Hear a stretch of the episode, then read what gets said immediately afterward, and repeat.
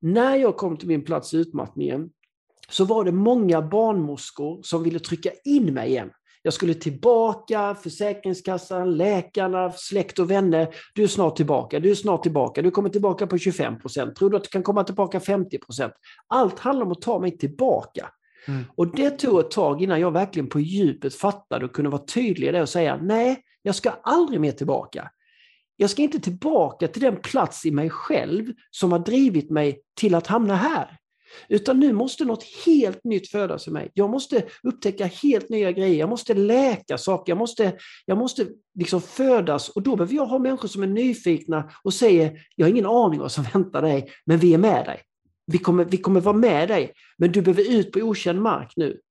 För att det funkar inte längre, det gamla beteendet eller det gamla sätt för dig att vara. I veckans avsnitt av PLC-podden gästas vi av föreläsaren och författaren Micke Gunnarsson som har över 20 års erfarenhet av föreläsningar och personlig utveckling. Innan Corona bröt ut så var han en av de mest flitigaste föreläsarna och gjorde vissa år över 150 föreläsningar per år. I detta samtalet så blir det mycket hjärta, det blir mycket inspiration. Vi pratar om psykisk ohälsa, vi snackar om barnhälsa, vi snackar om Mickes egna historik med utmattning. Vi snackar också om närvaro och flow i livet. Vi snackar också om att livet är på tok för viktigt för att ta på fullaste allvar. Detta och mycket mer i ett av faktiskt mina favoritsamtal jag haft hittills i PLC-poddens historia. Varmt välkomna! Men innan vi drar igång med detta avsnittet så vill jag också meddela en rolig nyhet. Att vi har fått en samarbetspartner och sponsor i form av Pureness som har diverse kosttillskott som hjälper till dig att optimera din hälsa. För att ta del av deras erbjudande så kan du helt enkelt när du checkar ut i kassan online skriva in PLC20 för 20% rabatt på det du beställer hos Pureness. Så alltså PLC20 för 20% rabatt på alla produkter på Pureness hemsida. Så gå in på pureness.com och shoppa inte bara för din egen hälsa och optimering av hälsa utan också för att gynna PLC och PLC-podden. Stort tack för att du gör det åt oss. Nu kör vi igång med avsnittet med Micke Gunnarsson. Hej och välkommen tillbaka till PLC-podden, podden som förändrar Sveriges syn på hälsa med mig Robin Hallsten. Idag är vi återigen tillbaka med ännu en ny gäst. Micke Gunnarsson sitter på andra sidan länken här. Han är en föreläsare men också brukar säga att han är en påminnare framförallt. Författare och eh, innan corona så var han en av de flitigaste föreläsarna i Sverige med cirka 100-150 föreläsningar per år. Han har 20 års erfarenhet av just att inspirera och personlig utveckling och, och brinner för att just sprida sitt hjärta och sitt ord för att hjälpa andra att inse deras inre kraft. Det är i alla fall så som jag har fattat. Micke, du får gärna rätta mig om du har fel. Välkommen till PLC-podden. Tack så mycket. Det låter ju skitproffsigt. oh. ja. Jo, men det, det, jag, jag kan nog, jag kan nog eh, jag vill hålla med dig om det. Absolut. Mm. Eh, sen är det alltid, när, när du berättar det för mig att jag låg så över hundra föreläsningar på år, så tänker jag så här, vad fan höll jag på med? Mm. kan jag känna. Jag vill inte, tack Corona för att du återigen hjälper mig, eller hjälpte mig att, att eh, komma ytterligare ett kliv i mina tankar om vad jag vill och inte vill här i livet. Eh, mm. Jag älskar att vara ute och inspirera, jag älskar människor, jag älskar jag ska träffa dig här. Eh, men samtidigt så, eh, allt det resandet och den, det, den vad ska jag säga, frekvensen av jobb är jag inte intresserad av just nu. Mm. mm. Nej, men det måste ha varit en väldigt, en väldigt resa med att, att vara runt land och rike och träffa så mycket människor. Men, men samtidigt så, så är det ju så fascinerande också hur jag också väldigt mycket har tackat corona också för att jag har öppnat upp mer en, en stillhet och en tid för lugn och reflektion. Medan många kanske har stretat emot det där som kanske har svårt för mm. det där. Hur ser du på, mm, mm. just som du sa lite, att du är tacksam för corona, att, att det skedde? Nej, men jag, jag, jag, mm, jag tänker att det var ett tydligt tecken från eh, säga universum att säga hem med er, bokstavligen. Hem med er. Och då tänker jag inte att kanske, för mig kanske det inte i sin, liksom handlar hem i våra boningshus, utan hem i oss själva. Mm. Eh, vilket jag tror är en, viktig påminnelse. Jag tror, inte, jag tror inte detta är sista gången. Sen om, vi, om, vi, om det kommer utifrån ett, ett virus eller om det kommer utifrån krig eller vad det kommer vara. Men, men vi, vi är i ett läge nu, tror jag, mänskligheten där vi, där vi måste bli mer sanna mot oss själva och vår, vår natur. Eh, hur vi ska ha det här. Och den resan börjar oss själva. Det, det, och det tror jag att för mig i alla fall, jag kan bara tala för mig själv, så, så har de här åren eh, inte präglats av rädsla någonstans. Jag har inte varit mm. rädd någon gång. Inte någon gång, utan när, eh, när vi fick stänga ner så gick jag ner i min källare och riggade en studio med lite gardintyg och sen tänkte jag att nu ska jag göra samma sak som jag gjort innan, men digitalt och kanske ännu mer nå människor för att vi behöver det kanske mer nu än någonsin. Mm. Eh, så för mig eh, var det också ett sätt att utveckla min digitala närvaro. Ehm, men, men, eh, men också, också det här att titta på liksom vad rädsla kan göra med oss eh, i, i, i våra liv. Ja, jag, nu kanske jag sticker ut hakan här lite, men, men jag skulle nästan vilja säga att rädslan var ju farlig. Rädslan kan bli farligare än viruset i sig. Mm. Beroende på hur, hur vi hanterar. Liksom. Jag är ehm. beredd att hålla med dig där, absolut. Och just rädslan för rädslan eller liksom rädslan för att mm. bli sjuk kan göra oss ännu sjukare än vad andra virus kan göra faktiskt, skulle jag vilja säga också. Att, att just hur vi ser på saker och mm. att behålla lugnet och vi som på PLC jobbar mycket med människor som är stressade eller utbrända mm. märker det mm. att när vi inkorporerar meditation i deras rutiner eller så, så blir de lugnare, mm. de tar mer rationella beslut och de blir också friskare för mm. att de kommer mer i homeostas med sin kropp då. För det, nej, och det vet ju ni om någon. Att stress och oro och rädsla skapar, gör att vårt immunförsvar blir sämre. Exakt. Så, Exakt. så det är också en del av det. Mm. Ja, och för mig, min del så hade jag en ganska stark intention när, det, när allt stängde ner att, att då vill jag, nu ska jag bli ännu starkare i mig själv. Nu ska jag, när hela mm. världen stänger in sig så ska jag öppna upp mig ännu mer och bli ännu starkare. Mm eh, och utmana mig själv på andra sätt än, än mm. kanske tidigare. Eh, och det är mm. väl det också, hur kan man vända på de här eh, motgångarna som kommer, alltid kommer komma i det externa. Eh, det kommer alltid finnas mm. Eh, eh, saker att växa igenom och växa från. Liksom. Men frågan är om vi väljer att bli kuvade under det eller om vi väljer att resa oss över det. och vilken väg vi vill ta helt enkelt. Mm. Och vilken hjälp och stöd vi kan få, tänker jag också på resan. Det kan mm. också vara en, en, en, del i det. Ja. Um, jag tror faktiskt att, jag tänker att några kanske, alltså jag har fått så himla mycket nyfunna vänner under den här tiden, eh, mm. de här två åren.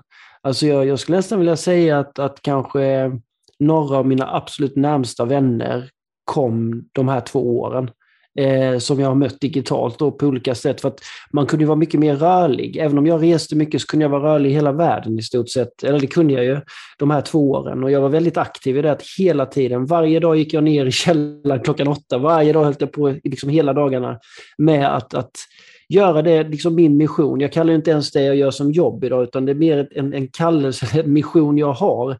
Att mm. kunna vara och inspirera till, till kärlek till sig själv, kärlek till andra, att, att jobba med sitt egna medvetande liksom, eh, och visdom eh, och hälsa. Eh, och då kände jag liksom att helt plötsligt hade ju människor tid också på ett annat sätt. Det var, det, man kunde ju nå vilka människor man ville och komma in i vilka sammanhang man ville som helst, kände i alla fall jag. Mm. Eh, så jag sökte upp jättemycket sådana liksom allt seminarier stora meditationer, kurser. Eh, och där hookade jag upp med fantastiskt fina människor som, vad ska jag säga, hade samma intresse och vibration som en annan. Liksom. Det, var, det var så fint, och, och då, vilket också då har gjort att man är fortsatt vänner nu och nu börjar träffa fysiskt också. Så att det, ja, det är häftigt. Ja. ja, verkligen, verkligen. Mm, mm. Um, och, och det tycker jag också är kul. Jag vet inte om du har tänkt på det.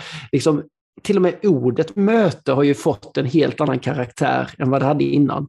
Idag mm. kan vi inte bara säga ska vi ha ett möte, utan du måste lägga till ska vi ses digitalt eller fysiskt? Och jag tycker nästan det är mer, mer naturligt att tänka digitalt nu. Ja, Ska vi ses? Och så direkt kommer jag skickar du en länk. Ja. man säger, man, man var, var bor du? Det är inte intressant. Utan, Exakt. Det är häftigt hur det kan, hur det kan förändras. Mm. Ja, men det har blivit en sånt skifte i samhället, verkligen så. Eh, och det är också som mm. du säger, hur kan vi anpassa oss till det och jobba med det och på något sätt också, vi är all, aldrig varit så connectade med med varandra just så digitalt. Men, mm. eh, men det skapar ju också, det är intressant det där för att du jobbar ju också mycket med just den psykiska ohälsan och den biten och mm. varit ute mycket och jobbat mycket med barn och mm. den biten och, och, det ser man ju också att det ökar ju också, även fast vi blir mer connectade i det digitala så sker också på något sätt parallellt en annan resa där vi blir mer bortkopplade från oss själva också för att vi sugs in i den här mm. skärmen och barn mm. upp till 7 till 9 timmar per dag ungefär. Mm. Hur, ser du på det, just den här, det är ändå lite en paradox det här med att vara connectade med hela världen men samtidigt att vi tappar bort kontakten med oss själva. Ja, jag, jag, jag tror inte... Hmm, på ett sätt så skulle jag nog... Det första som kommer till mig när du ställer den frågan är att jag, jag är tveksam om det just vi kan skylla skärmarna på att det är det som gör att vi tappar bort connection med oss själva. Mm. Jag är inte säker på att vi hade haft större connection med oss själva om skärmarna inte hade funnits. För det handlar ju också om, om vad vi får guidning och hjälp av samhället, hur viktigt det är att prioritera resa med sig själv.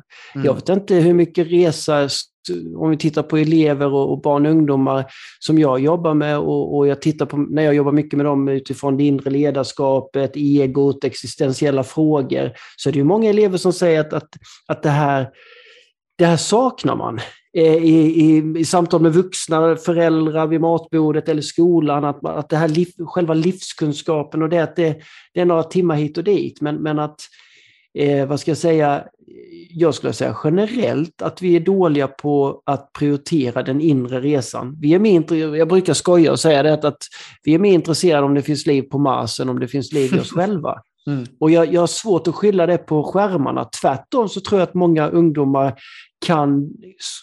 Det vet jag också att många, nu ska jag inte generalisera, men jag, jag, vet ju en hel del ungdomar också som har hittat mycket via skärmarna där de har fått de här frågorna och kommit i kontakt med människor.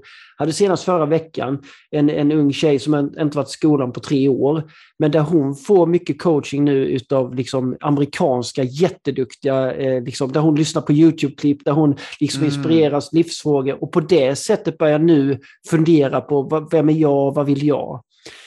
Så att jag, jag, tycker det är för enkelt att säga att det är skärmarna som kopplar bort oss från den inre resan. Utan, mm. Och sen måste vi väl vuxna också. Det är också lätt att skylla på de unga. Va? Vi, vi måste titta på hur vi ser ut. Alltså, vad är det för bild vi visar våra barn? Det är lätt att säga till unga, nu måste ni ut och röra på er något medan vi sitter i soffan. Eller vi själva faktiskt tycker till och med det är bekvämt att ungarna sitter framför paddan så vi kan göra vårt i lugn och ro. Mm. Så att jag tycker det finns något dubbelt där, där, där jag tycker att många gånger får ungarna ta klä skott för för egentligen vår feghet, vuxnas feghet och slapphet att ta itu med faktiskt var vi befinner oss och vad, hur vi lever och agerar.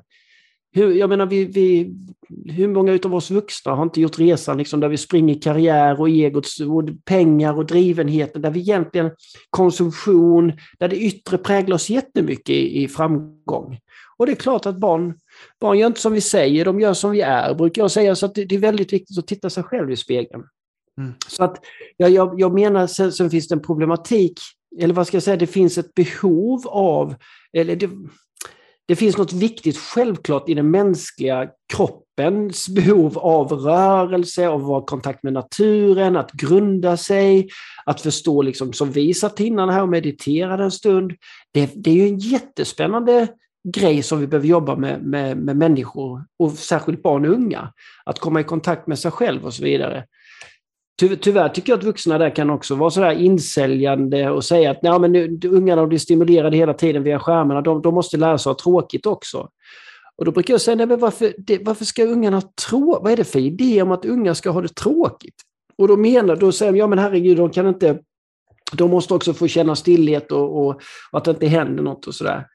Och då, så, då, då, menar jag också att då är vi fel på det igen. För att vi, hur, hur ska vi kunna uppmuntra och sälja in något som är tråkigt till våra barn? Då måste vi, då måste vi prata om vad det egentligen är vi menar. Mm. Att vi menar stillhet, reflektion, komma i kontakt med naturen, förstå det mirakulösa hur kroppen funkar. Ingen av oss har en aning om hur en kropp funkar egentligen. Vi kan gå på biologilektion, vi kan forska, men vi vet inte allt. Och att, att återigen göra, det, göra barnen nyfikna på det mirakulösa, på det stora, på, på de större frågorna, de små frågorna. Men, men jag menar att att säga då att det ska ske genom att barn har det tråkigt, det tycker jag är jättesynd. Då måste vi sälja in det. Och där tycker jag, när jag i alla fall det jag märker när jag är ute, det är att unga människor är nyfikna på detta. De är mm. nyfikna kring frågor om döden, om livet, om, om celler, om, liksom, om, om vi kan förmedla det på det sättet.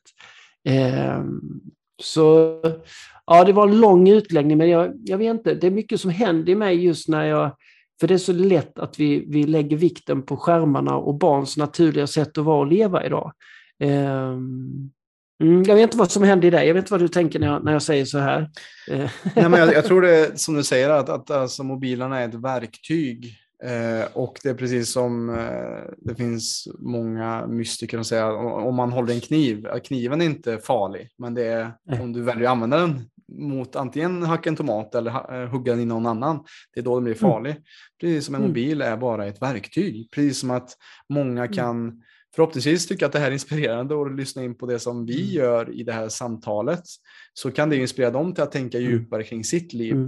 Eh, samtidigt som man kanske kan spendera en halvtimme, timme på att bara scrolla på Instagram och TikTok kanske och inte få ut så mycket av det. Sen, sen kan man ju säga att skillnaden där är väl att, klart man klarar sig väl knappast utan en kniv i livet heller. Men, men du klarar dig ju inte utan ett digitalt verktyg idag. Du måste Nej. bli bra på det. Du måste mm. bli riktigt jäkla bra på att hantera det digitala, annars mm. är du körd. Mm. Mer eller mindre skulle jag vilja säga i det samhället. Så det är också viktigt att, att, att barnen att de får stöd, att vi tränar på det, att de inte känner att vuxna är någon aktiv motståndsrörelse till det digitala. Mm. För då, då, då, då sviker vi verkligen barnen, för de måste bli duktiga på det här. Duktiga att liksom allt om det är källkritik eller sätta gränser eller känna igen olika beteenden eller veta liksom vad det allt det fantastiska men också veta vad man, man, man kanske ska, ja, med lösenord eller vad det nu kan vara. Mm. Om vi bara skiter i ungarna och säger det där får ni ha, den där jädra världen eller, eller till och med är emot dem, då är det inte lätt heller för, för våra barn att komma till oss när det, när det händer grejer eller när de är nyfikna. Och jag tycker också, jag tror att många vuxna missar allt det vackra och det engagemang som rör sig i det digitala. För att vi känner att vi kanske inte är med där. Nu kanske det är bättre med den yngre generationens föräldrar, men men det är, det är många föräldrar som jag har träffat som inte alls har något intresse, inte, utan snarare kan raljera över barn som sitter på TikTok och de kollar Pewdiepie och allt vad det nu är. Liksom. Mm. Och jag tycker det är så tråkigt att, att, att ha den, den attityden till våra barn, för det är inte respektfullt om du frågar mig. Mm. Utan, och, utan jag menar, det kan vi ta till oss själva. Om någon skulle gå och raljera till dig, jag sitter du och spelar in en jädra podd, liksom, fan vad tråkig, alltså, vad är det för sätt? Det hade ju inte varit så kul. Man hade ju undrat vad fan snackar de Jag gör väl detta för att det, det är viktigt för mig. Mm. Så att det handlar också om att värna en relation oss emellan. Så, så uh, mm, nej, det, det, det, är något jag verkligen brinner för, de frågorna. Uh, och, det, och då är det också så här, jag kan säga att det blir mycket enklare att prata om gränser, om hälsa, när de märker att vi inte är motståndare till barnens liv och intresse och deras sätt att verka och vara. Mm. Utan när vi börjar bli engagerade och intresserade, vi blir nyfikna på TikTok, det behöver inte vara att vi har ett eget konto, men att vi fattar när barnen kan komma, mamma kolla jag har hittat ett nytt filter, eller så här. Att de märker att vi är med. Då är det mycket enklare också sen att kunna sitta och prata om de här lite svåra frågorna. Hur ska vi tänka oss innan vi går och lägger oss? Hur ska vi göra det? För då märker de att vi är måna om dem. Inte mm. att vi försöker komma åt dem eller att vi kommer med tjuv och rackarspel. Utan, utan då, då blir det också enklare. Så det, det tänker jag ganska generellt. Det spelar egentligen ingen roll om det är barn, och vuxna vi, eller barn eller vuxna vi möter. Så vill vi ha det på arbetsplatsen med. Ju. Ja, exakt. Så, Mm. Ja, men det, är, det är viktigt där hur vi kan skifta det här att, att jobba med istället för mot, som du säger. Och, och vad jag förstår så känns det som att Micke, att du leder mycket från ditt hjärta, liksom att du, du är väldigt connectad med ditt hjärta och, och av olika anledningar på din livsresa mm. har det blivit så. Liksom. Mm. Um, och där är jag också intresserad, hur, hur kan vi leda mer från våra hjärtan? Hur kan vi också vara bättre förebilder för våra barn och även andra vuxna? Hur kan vi leva, leva mer från hjärtat, tänker du? Först måste vi komma på att vi har ett. känna, känna att vi har, och kanske också börja förstå att det finns någon intelligens kopplat till det. Att vi har mm. haft sån övertro på hjärnan och, och tanken och det intellektuella. Och jag vet, jag gick en kurs för Tony Robbins som håller på med personlig utveckling. Men han, han, sa, han hade en sån slogan, in your, in your head you're dead. Och jag tycker den, mm. den är bra. Jag, jag kan nog säga så här, det, det, hmm, det, det kanske låter konstigt nu Robin, men jag upplever i alla fall att jag använder mitt huvud fruktansvärt lite. Alltså ärligt talat, det är rätt tomt där inne och jag vet inte det som är så bra på att använda mitt tänkande. Utan jag kan nog hålla med att jag styrs mycket från hjärtat och då hjärtat för mig handlar egentligen om intuition. Att, att lyssna till, till kärleken skulle jag vilja säga. Det, det, det att, att, att titta på ett, så jobbar jag med ledarskap också, att titta på utifrån det kärleksfulla ledarskapet. Och det, det, är en sån enkel grej som, som om du är förälder då, som du tar som exempel, att bara ställa, ställa en fråga då till hjärtat. Du skulle kunna kalla det kärleken. Hur skulle kärleken ha sagt nu till mitt barn? Hur skulle kärleken ha agerat? Eh, telefonen ringer klockan ett på natten, det är polisen och de säger du, eh, vi har din tonåring här, det, han har nog druckit lite väl mycket och vi funderar på, kan ni komma och hämta honom eller ska vi låta honom sova på stationen och så, så tar vi ett snack imorgon?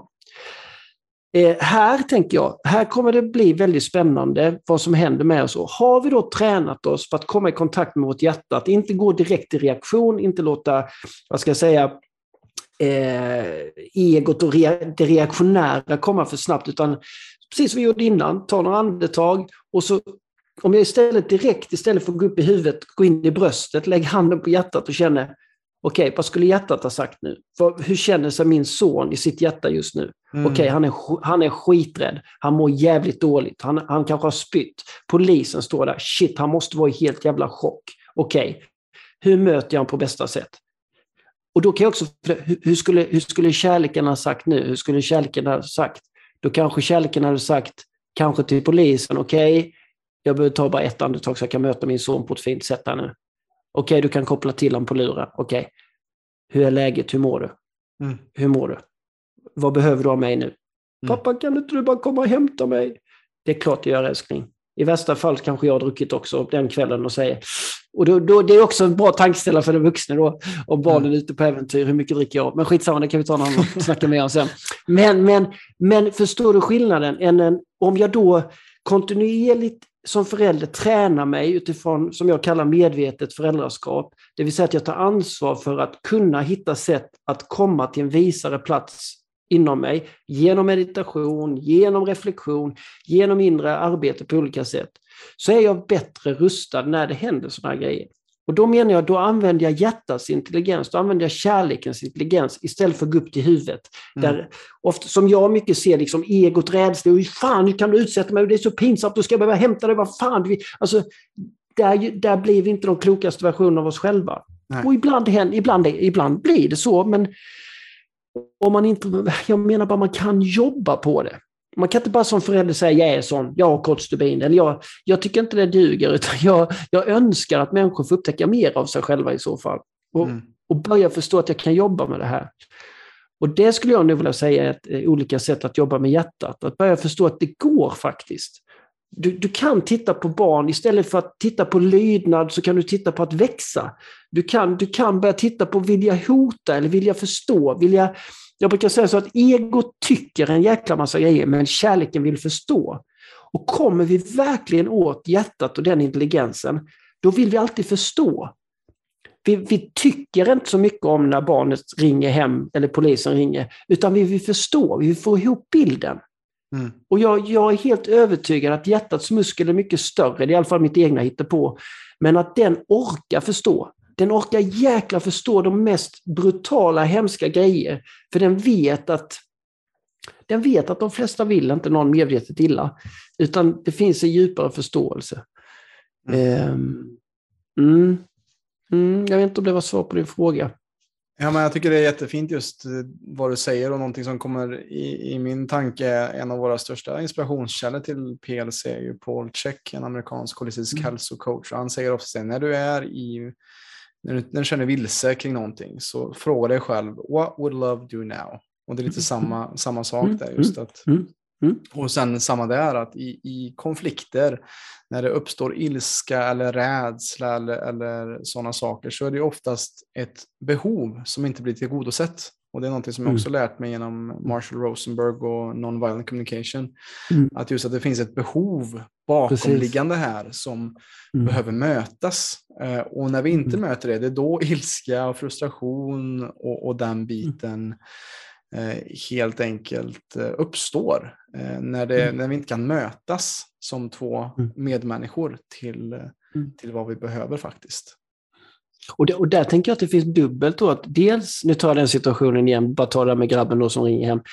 Det finns en del där jag behöver förstå min sons behov där och mm. då. Att försöka förstå eller fråga vad behöver eller att jag vill, jag vill förstå vilka behov har min son nu. Men det finns också något vackert om jag hinner också med att titta på vilket behov har jag nu?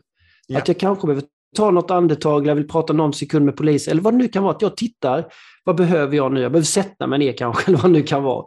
Mm. Många, många konflikter kan ju handla om att jag är stressad, jag är hungrig, jag har haft ett gräl med någon annan. Alltså, men att man, att man även tittar på två sätt utifrån behov tycker jag eh, kan vara viktigt. Ja, verkligen. Mm. Verkligen. Och det är lite som jag tänker också när jag ser eh, ser din uh, tatuering här på, på din handled också, the, the way mm. out is in. Eh, yeah. Och samma det är ju också mycket connectat till hjärtat tänker jag. Kan du lite prata om uh, varför du har gjort just den tatueringen? Det är för att påminna mig om att vägen ut är in. Alltså mm. att allting handlar om mig. Eh, att, att ingenting egentligen kan jag uppleva utanför mig själv utan det är skapat utifrån mig, inifrån och ut. Eh, och det, det, tycker jag det, det var det är en riktig aha-upplevelse för mig, i alla fall när man, när man verkligen på djupet börjar förstå det. Mm. Eh, för det gör också att man, eh, vad ska jag säga, tar tillbaka makten och möjligheten att påverka och skapa det liv jag vill skapa. Och jag vet, det låter det kan ju låta lite klichéaktigt, men ändå att, att förstå. Det är så lätt annars att vi går in i offerrollen eller vi pekar på alla andra, alla andra omständigheter eller otur eller arbetsgivare eller vad det nu kan vara. Men om du börjar fundera på att det är faktiskt jag som skapar min arbetsgivare, det är jag som skapar min katt. Alltså, jag tänker att du, du och jag kan liksom vi, vi, kan titta på det glaset jag har här. Jag har ett glas med vatten och så kan du och jag titta på det. Och så kommer du ha idéer om det glaset. Och jag mm. kommer ha idéer om det glaset. Kanske historia från min farmor eller vad det nu kan vara. Och du, du kanske precis har köpt det. Så jag har ingen aning. Vi tycker olika om, om glaset. Vi lägger vår, vi gör glaset. Glaset i sig är ju ingenting. Det är inte ens ett glas. Det är, det är glas, det vet, glaset vet ju inte ens om att det är glas. Det är bara vi som hittar på någon bokstavskombination för att vi ska kunna sortera mellan grejer. Så det, detta är bara ren energi egentligen. Men sen så projicerar du och jag vad detta är. Exakt. Och börjar vi, börjar vi förstå det och kan vi även jobba med unga människor kring detta så, det, så kan det bli så jäkla häftigt alltså, och kraftfullt. Att man, man, man, man, man kommer inte undan eller vill inte ens komma undan sig själv. Utan Nej. man vill själv vara med i leken. Och ja. det, det är coolt. När man ser det hända, fy tusan alltså. Det, sen kan det låta hårt kanske, och det är det, men jag skulle vilja istället säga att, att eh, nej, det är, inte, det, är inte, det är inte hårt. Det, det är en möjlighet för dig att, att uh, ta tillbaka makten. Precis. Mm. Och det, det är det som är så viktigt, tänker jag också, just när det, när det kommer till den biten att, att folk kanske säger att, men vadå, vad skapar jag min arbetsgivare? Skapar jag min katt som du säger här? Det, det, eh, alltså på ett sätt ser jag också, som jag också hört dig prata om i andra poddar, just det här att vi skapar våra liv i varje ögonblick och att framtiden existerar inte. Det är, det är liksom ett figment av vår verklighet. Alltså vi kan projicera mycket på vår framtid och vi kan planera så mycket vi vill, men det är bara att se vad som händer under corona. Att, Mm. Att eh, många hade massvis med planer säkerligen, och men, men så mycket blev, eh, ja men ställdes in eller fick skjutas fram mm. eller du vet att, att ingenting är säkert. Det enda som är säkert eh, som vi har det är just nu och hur vi reagerar. Vi kan inte påverka mm. det som sker mot oss på det externa men vi kan hantera hur vi reagerar. Och det är där alkemin i livet sker tycker jag. Alltså det är mm. där mm. vi kan styra, som du säger här, vill jag skälla ut min son för att jag får åka och hämta honom för att han blivit lite för full på en fest eller ska jag mm. Mm. välja hjärtats väg här och säga liksom, jag kommer, jag tar hand om dig, det är lugnt, vi löser detta mm. ihop. För vad mm. gör det på den långa aspekten i din relation med din son om du skriker och skäller ut honom? Då kommer han kanske känna att han är en börda eller att han inte är bra mm. nog. Och kontra då om du ger kärlek och vårdar ömt, då kommer det också mm. skapa en bättre kontakt som vi kanske i en framtid eh. Leda till att man har en bättre kontakt som vuxna istället för att det kanske mm. det, här, det här samtalet som du får och du skäller ut din son, mm. att det är början på ett väldigt stort gissel och kanske bråk mm. och det skapar ett sår. Man, man, kan ju tänka sig i alla fall att det blir inte lättare nästa gång han behöver ringa hem om något tragiskt har hänt. Nej, precis. precis. det, det, kan man kanske konstatera. Ja. Så, och, det vill, och det vill vi att de ska göra sen. Att det kan vara jobbiga och hemska grejer man får höra som förälder. Det, det kommer ingen förälder undan. Allting kan hända våra barn. Det är mm. sårbara små, små frön. Men, men, så att det kommer vi inte undan. Eh, förhoppningsvis inte. Eh, det vore bara olyckligt om vi aldrig får stöta på, då blir jag nästan mer orolig. När, yeah. när föräldrar säger nej, vi har aldrig några problem, vi har aldrig något, då, blir då är det nästan andra varningsklockor som ringer. Men, mm. men eh, så det kan vi redan veta, att det kommer bli ett litet helvete då och då. Och då är bara frågan, vill vi ta emot våra barn då när det är jobbigt? Och hur är jag en människa då som, hur kan jag rigga mig på ett sätt så att barnen kan vila i mig då? Mm. Mm. Eh, gör, gör jag mig ens möjlig? Det, jag brukar säga att det är lätt att säga liksom vad den är, ring hem. Jo, men det beror ju på hur jag har riggat mig. Det, det kan man ju säga, men vet jag att man blir straffad med utegångsförbud blir av med mobilen eller, eller att föräldrarna går helt bananas då. Det är ju inte så jäkla lätt, även om jag vet att jag kan ringa hem. Men det är inte säkert att jag vill eller vågar. Det är, det är ju två helt olika saker. Mm. Så... Um, Sen tycker jag det med framtiden, alltså, jag tycker det är så jävla spännande också att, att fundera på det att Alltså, framtiden i sig för mig är bara en stor illusion. Liksom. Den finns bara i mitt huvud, den finns ingen annanstans. Den, finns mm. bara, den är bara i mitt huvud, så den har ingenting med, vad ska jag säga, på ett sätt verkligheten att göra. Och det, det tycker jag är rätt behagligt ibland att prata med högstadieelever och gymnasieelever om. Jag kan ibland känna att det händer något med, med dem när jag pratar om det. Dels, jag kan prata på lite olika sätt, men just när vi tittar på det här med framtiden, för att många, många, många ungdomar är väldigt stressade för framtiden. Och när vi verkligen börjar skratta och titta på det, hur mycket som egentligen händer i våra liv här och nu, när, när de tillsammans med mig på något sätt börjar bli lite överens om att fan, det finns ju ingen framtid, jag har ingen framtid, utan det är bara nu när jag sitter på den här stolen och lyssnar på dig alltså. Och då blir det lite enklare, då blir det inte så mycket vi behöver hålla koll på. Utan då, då, kan, vi, då kan vi vila in i att det är faktiskt bara detta jag behöver ta ansvar för just nu. Mm, mm. Om jag har jätteont i rumpan där jag sitter så kanske ett ansvarstagande kan vara att jag ställer mig upp eller ber mig, kan vi resa oss upp några sekunder? Eller det. Och, och också det här att kunna säga till eleverna och, och de här ungdomarna att vad som än händer så kommer ni, varje människa här, att veta vad ni ska göra. Mm. Det, ni, det, så har det alltid funkat, kommer alltid att funka. Jag brukar ta sådana jätterigt roliga exempel, liksom att det skulle springa in någon förvirrad älg och börja gå till attack mot oss. Liksom. Om fem minuter så öppnas dörren och kommer in tio älgar. Och bara, alla, alla vi kommer veta vad vi behöver göra. Någon mm. kommer klättra upp, någon springer, någon försöker rida på älgen. Någon, men, men det går inte att sitta nu och börja oroa sig för älgarna, för då, då sabbar vi detta lilla liv med mig man har i det ögonblicket. Så att kan vi börja ha mer tillit till det och börja förstå att det kanske stämmer. Jag nästan nog alltid vet vad jag ska göra.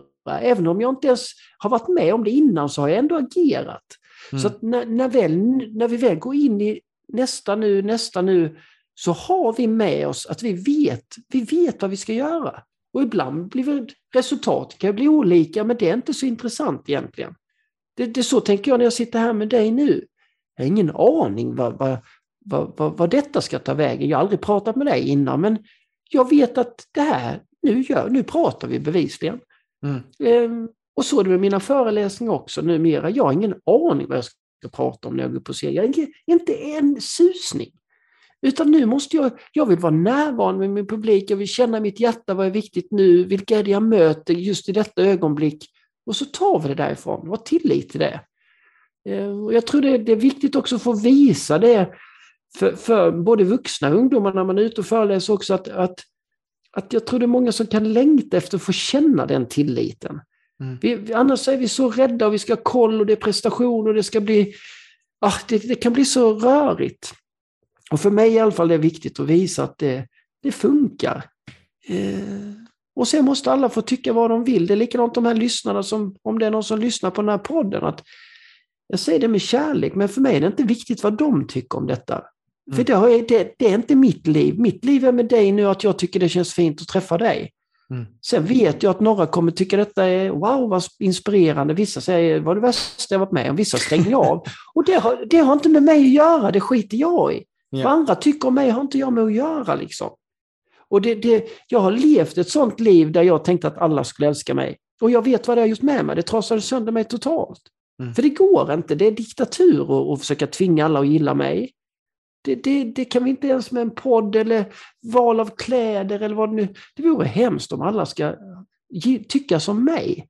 Mm. Det är nästan så jag säger att alla skulle vara som Micke Gunnarsson. Kan du fatta det om alla på planeten hade varit jag? Fy fan vad tråkigt! Tänk att möta sig själv överallt. Det hade varit hemskt. Nej, nej, nej, nej. Ja, men, men, det är lite som jag tänker också. Alltså, många tror kanske inte det när de ser mig i podden och som coach och som mm. föreläsare som jag gör också.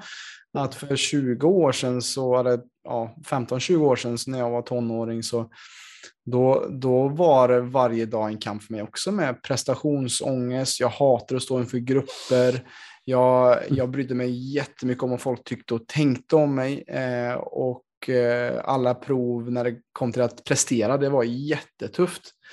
Men, mm. men sakta men säkert så började jag också bygga om liksom mitt egna undermedvetna och hjälpa mig själv att stärka mig själv. Och det var som en polett föll ner tror jag när jag började inse att när det inte handlar om mig, jag är här för att prata från mitt hjärta eller sprida inspiration, sprida just precis som den här podcasten. Jag känner mig inte nervös inför att prata med dig här idag. Jag känner ett jättestor nyfikenhet och ett öppet hjärta för att säga okej, okay, vad kan vi samskapa här i det här samtalet ihop? Vad kan vi mm. ge till mm de som kollar och jag ser hur dina ögon lyser upp här när jag säger det.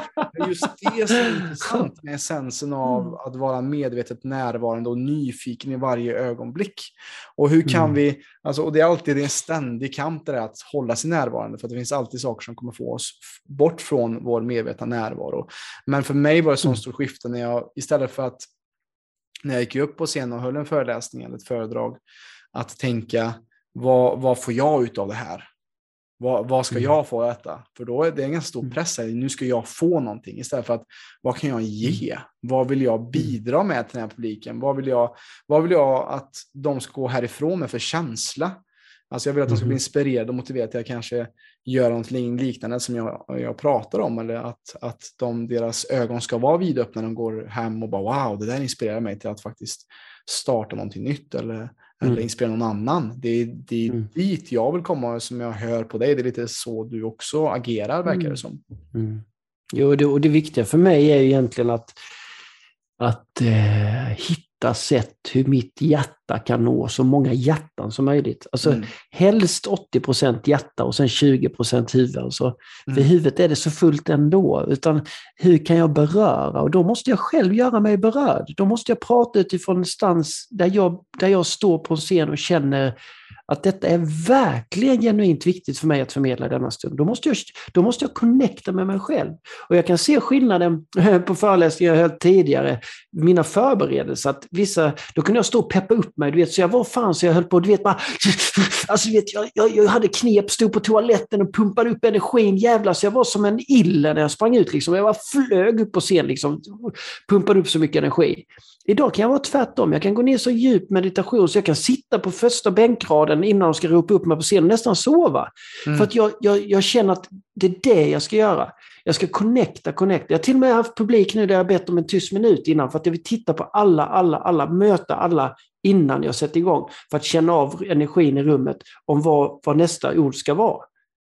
Så, att, så att det här, och det är klart det, det är ett spännande utforskande för mig med det här och det är inte alltid lätt att beskriva för arrangörer. Men liksom jag, hur jag gör detta. Men sen är det inte så att nu när jag ska till exempel prata Skanska nästa vecka och de, då kommer inte jag prata, om de har beställt att de vill prata om liksom det inre ledarskapet, samarbete och så, så börjar inte jag prata om bananer. Men jag har, jag har ingen aning eh, Eh, och det var också så, det är så roligt också, så här rolig skillnad i och med att du också är ute och föreläser Robin. Eh, innan så, då frågar de ofta mig så här, har du en egen klicker eller har du en fjärrkontroll eller vill låna vår? Och då hade jag ju alltid egen klicker, du vet så här så man kan klicka mm. fram slides som man har sådär. Ja. Och så var det ju för mig, jag, jag hade ju sån stenkoll, vet du, så det, men nu är det ju helt omöjligt. Jag bara skrattar, jag kan inte ha något sånt. Det går inte, för jag har ingen aning om vilka bilder som ska visas idag. Mm. Utan jag har ett bildspel med, man kanske med 70-80 bilder och filmer. Men ibland visar en, ibland 10. Så det, och för mig, och jag säger inte att detta är ett sätt alla ska föreläsa på, men för mig har det blivit så sjukt viktigt att ta mig ifrån föreläsandet till mer jag vet inte ens vad jag ska kalla detta, utan att skapa det här mötet det här närvarande mötet där vi har tillit till att det som kommer komma skall. Eh, och jag säger inte att detta, detta säger jag inte nu för att tipsa om hur man ska föreläsa, jag säger bara, för mig har det varit viktigt att förflytta mig mm. en plats där allt var planerat, där allt var riggat, där allt var klockat. För det var, det var inte levande för mig. Mm. Det var nästan som att jag, sen kunde jag ju få folk att gråta och skratta och de gav mig massa cred och blev årets talare eller sådär topplistor och sådär. Va? Men jag var inte levande. Jag stod mer och var rädd, var inte närvarande med publiken och så brände jag av en grej. Mm. Och för mig, och det, jag säger inte att det, det är ett sätt man kan göra på, så jag har absolut inga problem med det. Men jag kunde inte det längre. Jag, måste, jag, jag kände att jag, var, jag måste vidare på något sätt, för jag mådde inte bra i att agera så.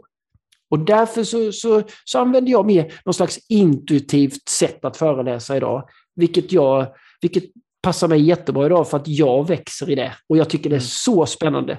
Jag sitter ju för fasken precis som publiken innan och de bara undrar vad som ska hända och jag bara, jag med! det, är, det är så jäkla levande alltså. Mm.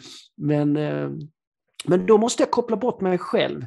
Då, för det är, det är en viktig grej, alltså då måste jag ha gjort en slags personlig avvecklingsresa. För att om jag, om jag fortfarande är kvar för mycket min egen person, jag och mitt ego, då är det svårt att göra en sån grej tror jag. För att du, då är det risk att du tar saker personligt, att du ska leverera, du ska ha betyg efteråt, feedback och allting.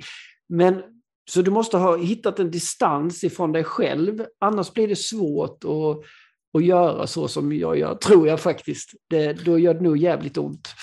Ja, men det låter också som att du har gjort eh, vad många säger också, den längsta resan från huvudet ner till hjärtat i ditt mm. liv. Eh, och eh, att på så sätt också, eh, lite som, som du säger, så är det också vad jag hör, eh, det engelska ordet är ju mastery, alltså till en början när man börjar med någonting så behöver man en mall, man behöver struktur, man behöver mm. tydliga liksom, riktlinjer. Men ju bättre man blir desto mer kan man liksom ja, man, om man lär sig språk också, då behöver man inte ha med dig ordboken när du ska ut på restaurangen. Liksom, utan man, man kan free-flowa och det är väl det som är grejen mm. också med samma med mm. att vi båda är bekväma med att prata inför folk och kamera och föreläsa och sånt också. Mm. Att då blir det också det här samtalet mer levande. Mm. För jag har inte stolpat mm. upp, jag har skrivit frågor. Det är som jag sa till dig innan, mm. jag, skriver, jag skriver alltid frågor inför mm. en podd. Jag förbereder mig alltid lite. Men ja. jag tror inte ens jag har nuddat, ja, kanske någon av de här frågorna än så länge. Och vi har snart snackat i 40 minuter tror jag, någonting sånt. Så, så det är intressant det här också. Och, vet du vad? Det blir bättre mm. så här än när jag försöker styra. För när jag försöker styra... blir det bättre? För att när jag har en, en agenda, när jag försöker styra från egot och mm. från huvudet, och att jag vill att, åh, mm. Micke, jag har hört i en podd att han sa det här. Det vill jag mm. att han ska mm. säga på samma sätt i den här podden så att jag kan leverera värde, för det var så jävla bra. Istället för att bara, ah, men jag, nu ska vara öppen bara för att se vad som dyker upp här. Mm. Och jag tror att med ett sån nyfikenhet tror jag också att vi kan ut utmana mycket av de sätt som vi lever på. Och också att vi kan också förhindra mycket andra saker. För att jag vill också gå in på din historia också som säger att du levde också mm. med från det jag ska tagga upp mig själv, jag ska... Mm. Uh, alltså du jobbar lite mot dig själv. Och, och jag vet ju att 2010 så brände du ut dig, att du var utbränd. Mm. Så att jag vill mm. också höra lite, för att du är ju också den du är idag är också resultat av vem du har varit och vad du har gjort i, tidigare mm. i ditt liv. Mm. Så mm. eh, på något sätt är det också lärdomarna och de hårda, eh, hårda liksom, mm. eh, fallen som också har lett dig fram till ditt hjärta. Kan du mm. lite prata lite om det just den tiden för cirka 12 år sedan när det kanske blev lite nattsvart för dig? Ja, det ska jag, jag, jag vill bara lägga en jättekort grej på det du sa, det här med att, att när jag frågar dig varför blir det bättre mm. när du släpper taget om kontrollen, mm. än, än att, att tvinga in oss nu, eller tving, alltså att du, du har bestämt dig redan innan. Vissa alltså, har redan bestämt sig att det, det, det är hit vi ska gå. Oavsett vad som händer, oavsett vad som sägs, oavsett om det börjar brinna, oavsett vad, så har, vi, mm. har jag en plan. Jag menar att för mig är det, idag blir det tydligt för mig att det är att välja mellan död eller liv. Mm. Att vi, vi, vi håller fast i det döda, där finns inget liv, där det är redan riggat och bestämt. Liv handlar om att inte veta, liv handlar om det levande. Och det, jag tycker man märker det bara i energin på dig och mig. Och jag har sett det så många gånger på andra ställen också, att när jag är i liv så händer saker. Det är kul, det blir spontana alltså man känner sig som ett barn, man är levande. Men håller vi kvar i, i tryggheten, det fasta, då, då, också, då får vi inte ut mer än vad vår lilla mänskliga varelse har kommit åt. Då kommer vi inte åt livet som är betydligt större intelligens än dig och mig. Det är mm. inte vi som ser till att, att, att, solen går upp imorgon, utan det finns ju en, en ofantlig intelligens som gör att allt det här funkar. Den kommer vi åt om vi öppnar upp för den. Men om vi stänger oss utanför för dem och tänker att nej men fan, jag är smartare än livet självt, universum, utan jag kör mitt lilla schema här. Va? Då får vi också räkna med att då får vi inte ut mer än så. Ja. Det är inte där, då kommer det inte in några överraskningar, det kommer inte in några nya frågor eller unika saker, utan ja, då får du det du, det du vill ha. Exakt. Så att det, det tycker jag också är spännande, för mig blir det död eller liv. Eh, och, och där vill mm. jag flika in också mycket, för att jag, jag, mm. ser också som om man kollar på naturen, om vi kollar på Moder Jord. Mm. Jag bor precis i ett naturreservat här nu och här är det skog som inte blir rörd, utan när, när saker dör så får trädet ligga kvar. Mm. Och, och, och, det är del av flödet. Eh, Medan hade jag varit hemma hos min pappa på, på gården eh, där vi har skogsbruk så hade ju alla döda träd tagits bort och det har varit en monokultur. Liksom, och det, varit liksom, mm. det ska vara rakt, det ska vara riktigt och det ska vara raka träd så vi kan sälja bra med plank till, eh, mm. till en byggvaruaffär eller vad det nu kan vara. Va? Och mm. det är ju det som vi är inne i här. Det är ju flödet, mm. det är liksom mm. livet som du säger. För så fort du mm. försöker kontrollera någonting så tar du död på det. Det är som mm. när du plockar en blomma så börjar den vissna direkt. Mm. Och det är sen när vi är i närvaro, när vi är i flöde, när vi är i flow med varandra. Det är då mm. magin kan komma genom oss, när vi är kanaler för närvaro och flöde. Men det är ju ett jättebra exempel, det tycker jag är skitbra med blomman. Liksom. Ego tar med sig blomman hem och tar ihjäl den. Mm. Men om du, väl, om du står i kärlek så kan du gå ut i blomman, titta på den, beundra den, ta med den hem i ditt minne, ta med den hem i ditt hjärta, men du behöver inte ta ihjäl den. Mm. Du, du, du låt dig uppleva vad den är. Sen är det klart, jag säger inte det, det kan vara vackert med blomster hemma och sådär, men, men ändå, det, det är en fin liknelse. Och likadant med Moder Jord, alltså vi, vi har ju utarmat jorden, så vi kan inte ens odla naturligt på den längre i stort sett. Mm. Så att det, det, är också jättefina liknelser. Och då, då menar jag igen, död, liv, vad väljer vi? Mm. Vad, vad, visst, man kan säga så här, ja, men vi ska få ut pengar, vi ska... Jo, men är den ekonomiska apparaten vi bygger upp idag, står den för liv? Levande gör den oss? Eller är det faktiskt så att den gör oss sjuka, att den trasar sönder oss, både Moder Jord och oss människor? Så att det, det här är, ja, det är så jäkla spännande, kan man prata jättemycket om det här. Så. Um, men, men jag ska gå tillbaka till det du ville att jag skulle ändå, min resa där. Ja, men precis. För, för, för, det är också mm. det som just som jag sa, att när, i, en, i en naturlig skog så ska ett dött träd ligga kvar och föda mm. liv.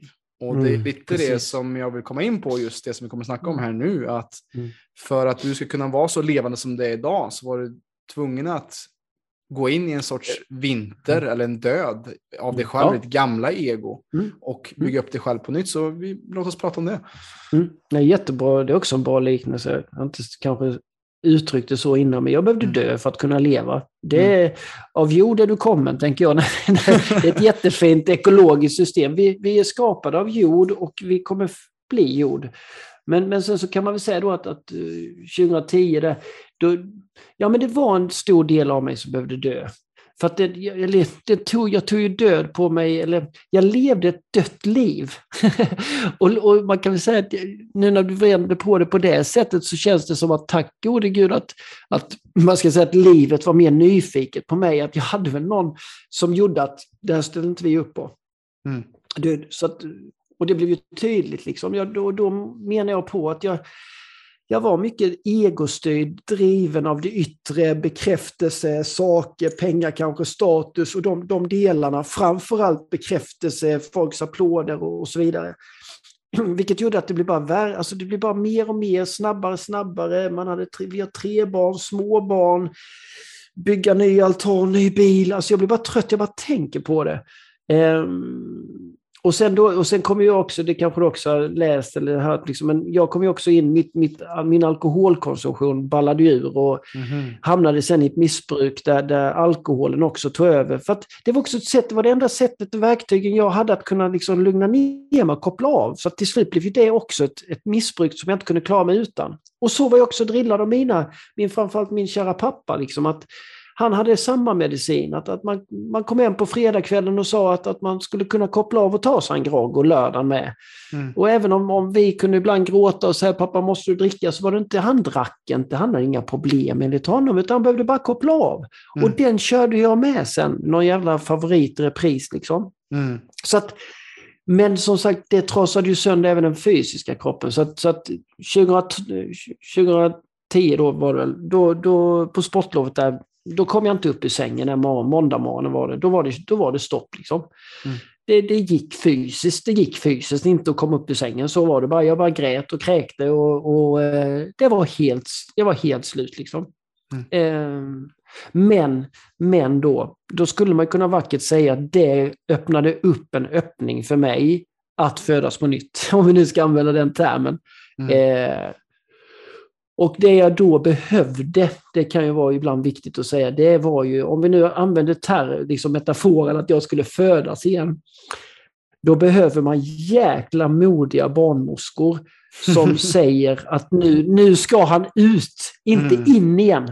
Mm. För det vet vi, även om, om man, nu har jag aldrig för- fött ett barn, men jag har stått vid sidan om och tittat på en förlossning, så kan jag se att, och jag förstår detta med respekt för alla kvinnor om man föder en vaginal liksom, förlossning, att du kommer nog, många kommer, kan komma till en gräns där de känner att de nästan ångrar sig. Alltså att, Ja. för att det gör så fruktansvärt ont innan, liksom, när, när det här vackra, när livet ska komma ut.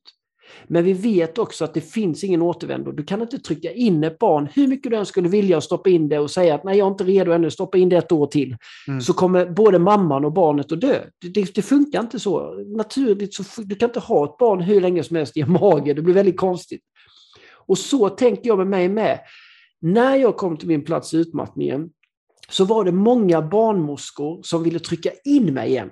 Jag skulle tillbaka, Försäkringskassan, läkarna, släkt och vänner. Du är snart tillbaka, du är snart tillbaka, du kommer tillbaka på 25 procent. Tror du att du kan komma tillbaka 50 procent? Allt handlar om att ta mig tillbaka. Mm. Och det tog ett tag innan jag verkligen på djupet fattade och kunde vara tydlig i det och säga nej, jag ska aldrig mer tillbaka. Jag ska inte tillbaka till den plats i mig själv som har drivit mig till att hamna här. Utan nu måste något helt nytt födas i mig. Jag måste upptäcka helt nya grejer. Jag måste läka saker. Jag måste, jag måste liksom födas och då behöver jag ha människor som är nyfikna och säger jag har ingen aning vad som väntar dig, men vi är med dig. Vi kommer, vi kommer vara med dig, men du behöver ut på okänd mark nu. För att det funkar inte längre, det gamla beteendet eller det gamla sätt för dig att vara. Sen kan det vara att man går tillbaka till samma jobb, det, spelar, det är inte så jädra viktigt för mig. Men jag, jag måste liksom på något sätt levla upp i mitt egna inre. Annars är jag tillbaka igen. Ja. Så att det här, det här tyckte jag, och det är en ro, jag bara tänker att det är en rolig metafor, liksom att hitta vänner, människor som, som hjälper dig framåt, inte bakåt. Och där kan jag önska att, att vi hade ett system också som var mer flexibelt när det gäller både sjukvård och försäkringskassa och arbetsförmedling, så att de också hade mer fattat det. Men det, det kommer väl. Ja, det är ju lite det som faktiskt vi på PLC försöker att, att vara lite ens, ha den rollen. Vi är privata, är vi ju privat företag, mm. men vi jobbar ju med tusentals klienter och och mm. det är liksom säger, vi är lite barnmorskor för att skapa mer ljus. Alltså, vi jobbar mycket med, med framförallt kvinnor som, som är medelålders, som är, varit deprimerade eller utbrända eller, eller inte fått riktigt mm. bra hjälp av vården kanske. Att just som säger mm. att det är, liksom, det är ett system som vill få det ut igen, eller få det in mm. igen i systemet, i ekorrhjulet som, mm. har, som har trasat sönder dig. Mm. Medan vi försöker hjälpa dem vägleda till att hitta den inre aktiviteten, hitta den inre styrkan. Eh, mm. precis eh, som, som du har gjort. Och det är det som jag ser i dig och som jag tycker också är så viktigt för våra lyssnare också att höra att jag tror Micke att du har aldrig varit så full av liv som du är idag. Och det är Nej. mycket tack vare av den här död och transformationen och att du tillät dig själv att vara i det här mörkret. För vad, vad, är det ofta som sker när vi går in i det här mörkret? Jo, det sker ett motstånd. Och ju mer mm. du stretar emot, desto hårdare kommer det att slå tillbaka. Och vad gör oftast vården när vi kommer in det här? Jo, då kommer vi in i antideppträsket, eller vi kommer in i att mm. vi ska mm. bedöva våra känslor istället för att känna våra känslor. Oftast, som jag ser det, en utbrändhet är ett tecken på att du har gått mot ditt hjärta i allt för lång tid och inte tillgodosett sig dina egna behov för allt för lång tid.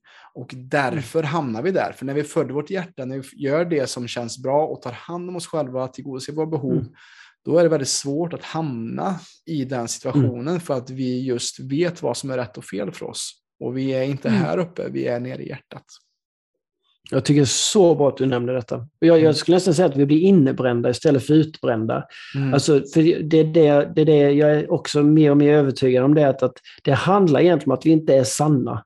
Vi har inte mm. fått hjälp med att våga följa vår sanning, eller, utan vi står i en inre konflikt. Och det är klart att det kan du kan ju ha hamnat, jag menar en ensamstående mamma med tre barn, eh, jobb, ska få ihop det. Liksom, det valmöjligheten det, det, är inte alltid så stor, det, det kan vara tuffare. Men mm. att även mötas med respekt där i, och, och, även få hjälp i det då.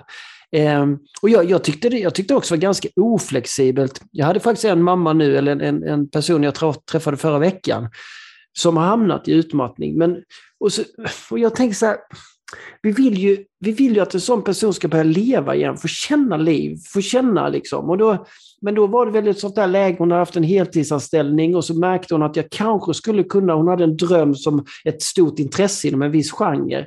Och där hon hade liksom börjat tänka, tänk om jag skulle kunna göra det tio timmar i veckan och kanske kunna till slut starta ett litet företag, ha ett litet företag vid sidan om och så kanske, alltså hon började se ett pussel. Men där jag vet också att det, var, det, det är nästan omöjligt idag att kunna kombinera en, en enskild firma med en anställning och skulle du bli sjukskriven eller arbetslös måste du lägga ner firman. Alltså det, det, är, väl, det är inte helt enkelt. Mm. Eh, det, är inte, det är inte de bästa system, tror jag, alltid vi har för, för att bli frisk eller för att bli mer levande eller för att kunna läka. Utan det finns rätt rigida system. Eh, men, men ja, så blev det till mig, för mig till slut. att jag jag gick ju vägen och började leva på mitt egna bolag. Liksom. Och det, har jag, det hade jag aldrig kunnat göra utan, utan min ut, utmattning, om man nu skulle säga så. Eh, så, så, det var ett, en del eller en konsekvens av det. Men, jag vill, men där måste vi också säga att det var inte tack vare utmattningen jag föddes på nytt, utan det var ju jobbet jag gjorde med utmattningen. Mm. Den hjälp jag fick, det slit, den dedikering jag hade och har fortfarande. Eh, att jag fick hjälp att inte falla in för tufft i offerrollen. Utan jag hade jädrigt bra livvakter runt omkring mig i form av vänner, familj. Men också att jag till slut hittade också rätt terapiform och hjälp som funkade för mig. För utan den så vet jag inte riktigt om, om de här uppvaknande eller de här vad ska jag säga, viktiga ögonblicken hade kommit. Det vet jag inte, men, men det var under de här sessionerna och det tuffa jobbet jag gjorde med mig själv som jag liksom såg, kom till de här öppningarna liksom för att kunna se, ja, följa med mitt hjärta eller ja, nå den intelligensen på något sätt. Mm. Så, så det gör, gör, inte sig av sig självt. Visst, man kan läsa ibland att någon bara blev upplyst, eller vad man ska kalla det. och det, är bara, det är bara att gratulera, men, men jag tror inte för alla är inte det mainstream. Liksom. Nej. Utan det kräver, det kräver ett modigt jobb att våga mm. möta sitt inre. Det, mm. det vill jag nog säga. Ja men exakt, Jätte, jätteviktigt och jag tycker det är så fint just att, att eh, när vi sitter här i flödet att, att just att det här dyker upp och detta är bland det vackraste jag har hört tror jag, i, i poddens historia faktiskt, det här som vi är inne på nu för att jag vet mm exakt hur mycket våra lyssnare behöver höra detta också. Som kanske mm. just nu är i den processen av att känna sig att, att det är lite svart, nattsvart, liksom, att det mm. är tufft och att veta mm. att, att man kan se på dig. Och jag var aldrig inne i den berömda väggen, men jag var väldigt nära när jag var i 25-årsåldern ungefär också. Mm. Just för att jag jobbade allt för mycket inte från mitt hjärta alls. Eh, och det har också mm. gjort att jag har satts på den vägen som jag är idag kan mm. man väl säga. Men jag är också nyfiken Micke också, vad, vad var det de här första, för de som lyssnar och som kanske är i den sits som du var för 12 år sedan och som var där jag var för kanske, ja, vad är det nu, 5, 6, 7 år sedan kanske jag var inne i detta själv. Eh, där det var mm. tufft liksom. Vad hjälpte dig sakta men säkert? Vad hade du för form av människor och änglar runt omkring dig som hjälpte dig att hitta vägen tillbaka sakta men säkert? Ja, oh, jäklar bra, bra fråga.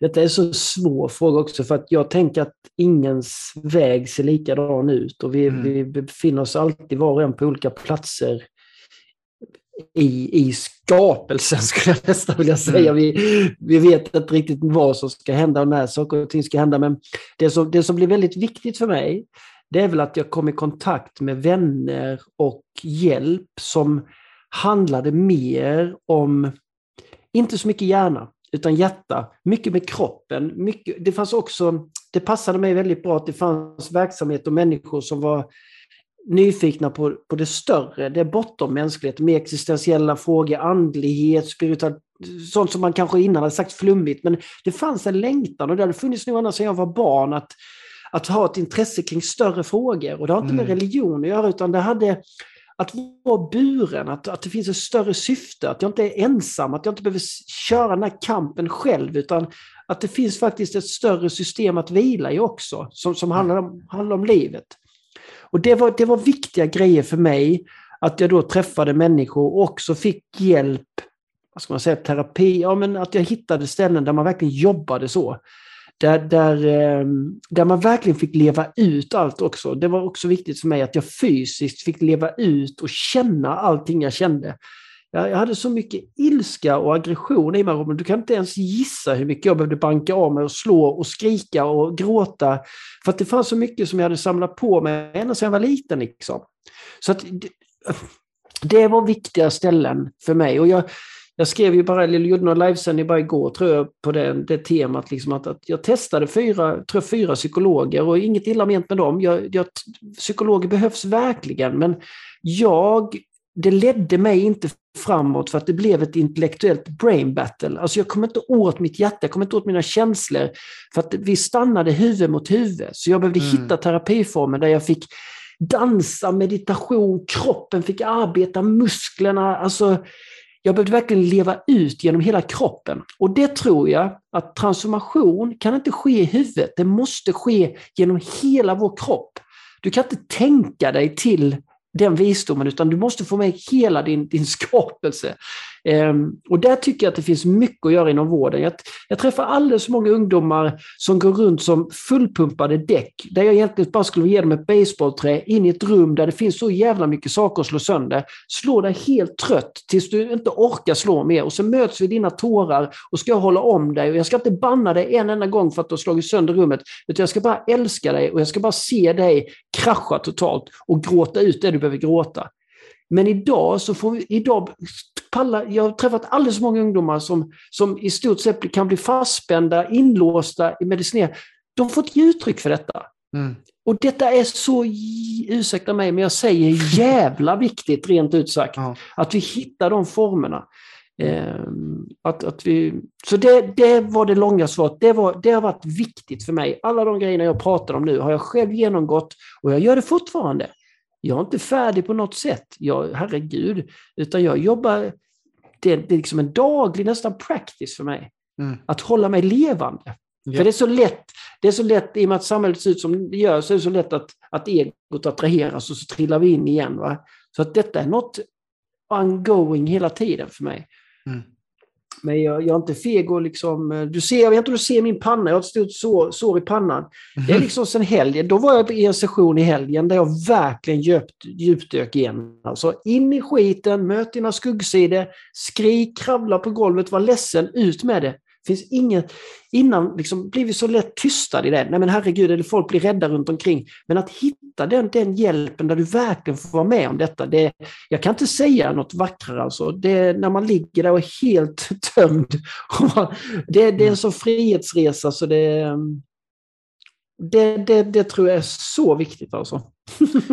ja, men, men det är ju exakt vad du säger. Alltså, vad, vad vi inte ger uttryck till det på så sätt kapslas in i kroppen. Det, det, känner jag med mig själv också. Mm. Jag kan känna ibland mm. mitt, eh, min hals, det är en klump, jag är inte sjuk, utan jag känner att jag, okej okay, nu uttrycker inte jag min sanning här nu måste jag göra det annars så, så kommer någonting ske. Och på något sätt så är, är det där, just när vi inte tillåter vara skuggor, det är där sjukdom skapar sig också. Att vi kan också skapa mm. oss mentala sjukdomar på grund av att vi inte uttrycker våra känslor. Så vad jag hör i det mm. du delar här, vad som var viktigast för dig var att hitta utlopp och uttryck och sammanhang där du kunde dansa ut din ilska, mm. ilska eller frustration eller mm. slå mm. ut det som finns inom. För vi bär också så mycket, alltså vi svenskar framförallt, skandinaver, vi är liksom mm. stoneface hela tiden och mm. ja men det är bra, allt är bra, allt är bra ingen, ingen fara. Precis. Och, och, det hörde jag också i, i ett annat eh, poddavsnitt som jag hörde att, att just uh, att bara vara uppe i Dalarna mm. var ett, ett sånt ställe som var viktigt för dig. Jag har aldrig varit där själv, jag, men jag bodde faktiskt på Ängsbacka i ett och ett halvt år som också mm. är en, ett ställe där mm. är väldigt alternativt och där det är en smältdegel av många olika former av meditation, yoga och också mer när det kommer mm. till tantra och medveten sexualitet också. Mm. Eh, mm. där jag lärde mig otroligt mycket och det var också mycket som jag tänkte bara, det här, det här är bara eh, new age-flum. Eh, och det, mm. det stöter man på på sådana ställen också såklart. Men, mm. men vad, vad var så viktigt för dig där på Bara Vara? Nej men det var väl det, som, alltså att få hjälp med att låta mig ge uttryck för de känslor jag hade inom mig. Att, mm. att, att kunna förstå det bättre och också framförallt att inte bli bannad eller, eller vad ska jag säga, tystad, utan att leva ut med det. Det är liksom det som man har en liten demon inom sig som behöver ut och där jag får möta den och också se det vackra i den, att den har mm. haft sin funktion. Den har kanske skyddat mig. Utan, utan den delen så har jag kanske inte klarat mig som barn utifrån beroende på hur man växer upp. Så att det finns ju något vackert i det också. Men att just få hjälp med, med ett djup, mer djupare djupgående arbete. För jag, jag, kan inte, jag kan inte liksom överhuvudtaget se hur detta skulle kunna ske genom att jag skulle sitta och prata med någon. Alltså jag kan det. inte... Nej, nej. Det, vad fan ska jag säga liksom? Berätta hur du känner dig. Ja, men vi, alltså jag, jag, jag vill ju känna, jag behöver, jag, behöver, jag behöver vara i det. Liksom. Mm. Så att där, det är väl det jag tycker med bara vara. Och sen också att en del i det också som handlar om tystnad. När man inte jobbar så, så är man tyst. Och det är också något väldigt spännande att vara tyst en hel vecka och, och där du inte kommer undan dig själv. Där du, mm. du måste vara med dig själv i tystnad. Det, jag trodde aldrig jag skulle stå ut med det, men det var bland det mest underbara jag varit med om. Alltså. Mm. Eh, att att eh, behöver inte varken vara i kontakt med någon annan, behöver inte titta på någon annan. Jag är bara i mig själv. Det... Ja, och det, det är ju det att, att, att det finns något läkande med, med tystnaden och, och låta sig vila. Och lite det som du snackade om lite tidigare, att du var psykologer, och, men det var liksom mm. en brain battle. Och det är exakt det som Bessel van der Kolk, han som också har skrivit boken uh, The Body Keeps a Score och utvecklat mm. traumasensitiv yoga som jag också studerat. Att mm. eh, först så hittar man just samtalsterapi var ett jättebra sätt, till exempel för eh, Vietnamveteraner, eh, skriver han i den boken, just att ja, för dem att komma ihop och få community att prata om det. Men problemet var ju att de bara återupplevde sina ja. trauman ihop och att mm. det liksom inte blev, kom någon vart. Sen på 90-talet kom Prozac, antideppen kom och mm. psykologer och alla var bara wow, nu folk mår bra. Ja, en mm. viss tid. Sen så mm. funkar det inte längre. Man kan inte dämpa de symptomen längre. Och sen då så utvecklar han den här formen av yoga för att just mm. gå genom kroppen. För att det är så mycket stress mm. som, vi hade också intervjuat Göran Boll som är grundare av Mediyoga mm. eh, för något mm. år sedan och han säger det, stress det, det sätter sig i käkar, sätter sig i höfter och i psoasmuskeln. Mm. Eh, och det är så mycket mer som den ja, men mainstreamvården kanske behöver uppdateras kring. Att det finns mm. mer saker och djupare saker att läka kring. Eh, mm. Som inte riktigt finns tillgängligt för gemene man faktiskt. Mm. Men det är ju såklart det är experimentellt också. Alltså det finns inget rätt, mm. rätt eller fel där heller. Det har väl allt varit. Men sen så tror jag också att det blir bättre. Det, det, det här kommer ge sig. Mm. Om man ser hur det är idag, liksom, att man kan ändå ordinera yoga och meditation och så. Det, det gjorde man kanske inte för 40 år sedan. Så att allting, det går, väl, det går på rätt håll. Ju mer medvetna vi människor blir, ju mer, det kommer också få konsekvenser i vårt samhälle. Mm. Liksom. Så, eh, men, men, men ändå, man behöver inte heller tänka hela tiden samhället ur det, utan man kan bara krympa ner det till sig själv. Mm. Hur, hur gör jag? Vad, vad, vad gör jag för min skull? Hur tar jag hand om min hälsa? Eller, hur håller jag mig levande? Liksom? Vad, mm. Hur levande gör jag mig? Hur, när känner jag mig levande? När skrattar jag? När känner jag mig fri? När, det, när, när pirrar det kroppen, du snackar om sexualitet, när, när känner jag njutning, upphetsning, alltså hur fan funkar jag? För att många gånger när vi springer på det, vi är inte i kontakt med oss själva. Vi har ingen mm. aning. Vi, vi, vi, har, vi är som tomma skal som bara rusar fram. Mm. Men att börja återerövra den här fina kontakten och känslan, det, det gör ju att jag kan känna att det går inte en dag utan att jag känner förälskelse, känner tacksamhet. Jag skulle tro i alla fall varje vecka kanske jag gråter minst fem gånger i veckan i alla fall någon gång av ren kärlek och tacksamhet. Och det kan vara att något vackert, jag ser något barn som tappar en grej på torget och någon böjer sig ner något litet annat barn och plockar upp. Alltså jag är i kontakt känner jag. Det är därför också jag, jag hade inga problem att sluta dricka, jag har varit nykter nu i 11 år, jag, jag röker inte. Alltså, jag vill inte, jag känner så här, jag vill inte ha, jag vill inte låta någonting grumla det jag är med om nu. Mm. jag vill mm. inte ta in någonting som på något sätt skulle göra att mitt medvetande minskar än vad det är nu. Och det vet jag, dricker jag tre glas vin så, så är inte mitt medvetande lika klart. Det, det kan det fysiologiskt inte vara. Och jag vill hålla mig vaken. Jag vill, jag vill vara så vaken jag bara någonsin kan. Det kommer en dag när jag ska lämna min kropp och den ska få sova, men det är fan inte just nu. Alltså. Det, det är jag, det, det, jag vill suga ut den stunden jag har. Och har jag nu fått möjligheten att få leva genom en kropp, då vill jag göra det så mycket jag bara kan. Jag vill ha så kul som möjligt med den här lilla köttbiten. Alltså verkligen. Jag, jag, jag tänker inte ta livet på för stort allvar utan det är en lek, det är en dans. Sen, sen tror vi, när vi blir lite äldre, att, att det blir allvarligare och allvarligare och det blir viktigare och viktigare och svårare och svårare. Det är bullshit. Alltså, grejen är att om du tittar på en liten treåring som sitter i en leksak så är, så är den lika när den sitter med sina bilar, brum brum, här kommer bilen. Sen när vi är lite äldre så klär vi ut oss i någon kostym med någon slips och så är det brum brum, nu sitter jag på ett flygplan. Men i stora, hela skituniversum fullständigt i detta. Utan du har en betydligt större marginal att få, få, få skapa ett inre som är njutningsbart, som är lustfyllt. Sen spelar inte, om du riggar dig på rätt sätt inifrån, spelar det ingen roll vad du jobbar med. Det, det, det är inte det yttre som spelar någon roll. Sen är det klart att däremot som du säger med respekt, om jag går emot det som inte är jag, om jag går emot min sanning, jag jobbar på ett ställe och lägger åtta timmar om dagen där jag verkligen inte vill vara. Det är klart att det kommer få konsekvenser. Men annars i det stora hela spelar det ingen roll. All, jag brukar säga att alla människor jobbar med samma yrke och det är att skapa eh, bättre välmående för mänskligheten. Det jobbar vi alla med. Alla yrken går ut på att egentligen öka välmåendet för oss människor. Sen om du jobbar med flyg, eller om du jobbar med en podd, eller om du jobbar inom sjukvården, till och med om du jobbar med bomber, så är det, finns det en idé att det är bra för mänskligheten. Mm. Så, så egentligen behöver vi inte fasta så mycket. Det är också egot då som börjar snacka om status och börjar snacka om jämföra kronor och ören och positionering och vad som är mer rätt eller mer fel eller högt och lågt. Det är också bara illusion.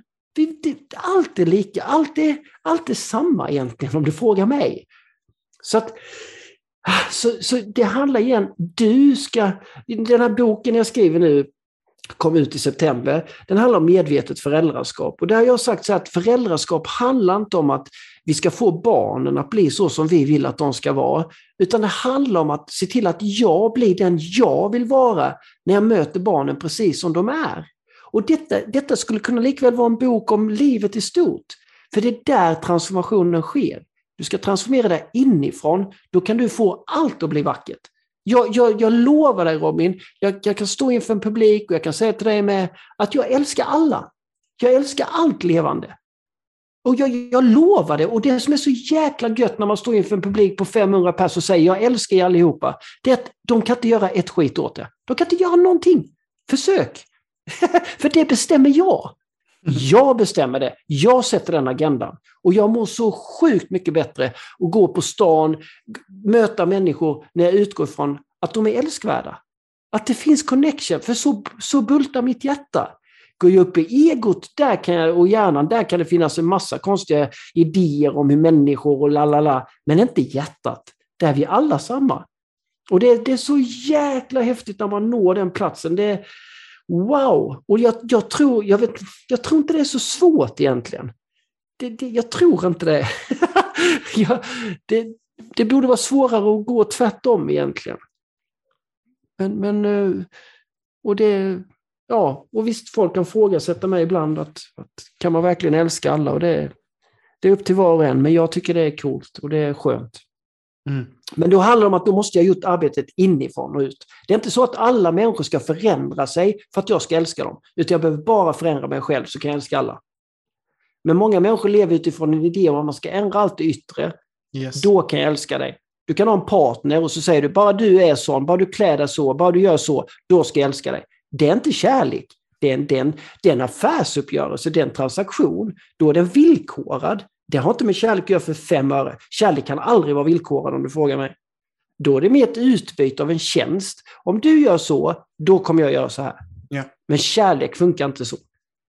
Kärlek, då, då skjutsar du din grabb till bandin för att du älskar att skjutsa till bandin. Du ställer sen inte en fråga, liksom, det är för jävligt att jag alltid ska behöva skjutsa och de andra skjutsar inte. Då, då, då, då är det inte kärlek. Då är det mm. något annat som driver det här. Ja. Så Ja, jäklar vad jag gick igång där, men fan det här är viktigt alltså.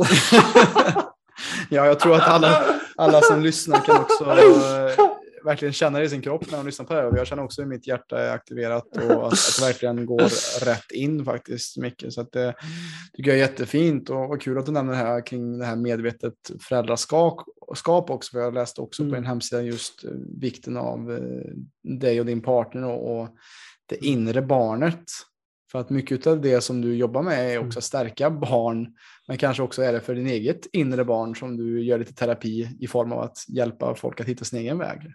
Kan du prata lite mer om det? Ja, men det... Ja, det beror på lite hur du tänker. Alltså, med, alltså att, jag säga att jag väljer att knarka barn, alltså det vill säga att jag är bland barn. Det, det, det, är väl den enda drog jag använder och det är väl den tyngsta i och för sig. Men men det är ju, barn är ju liv. Alltså de levandegör oss. Om vi, om, vi, om vi verkligen kunde... Hmm, tänk om vi hade bestämt oss, vi vuxna, för att varje barn är skickat till den här planeten från framtiden för att lära oss någonting. De har mm. något viktigt att säga till oss. Då eh, hade det kunnat bli lite annorlunda. Men vi är fortfarande att vi ska fixa till ungarna så att de passar vår mall. Men tänk om vi kunde mer... Och det är det jag menar att för mig när jag jobbar med, när jag är med barn, eller jobbar med barn, det är att de är så levande. Det är så nyfiket. Det, det, det är så ofta egofritt. Det är liksom inte så rädd. Ja, det, finns ett det finns liv. Och det är det, jag, det, är det, man, det är det som har varit min mission många gånger, många år när jag varit ute i skolor och sådär att snälla, snälla, snälla, snälla, det är det som är det viktiga. Att hålla människan levande. Den ska vara levande hela vägen. Alltså vi har sagt att skolsystemet är, det vikt, är, så, är så brutalt viktigt så att vi till och med lagstiftade att varenda unge de första 15 åren ska in i ett system. För det är det absolut bästa för den här planetens skull, för varenda unges skull. Mm. Om det nu är så viktigt, då, då, måste det, då måste vi också se att att, men att man kommer därifrån mer levande än man började.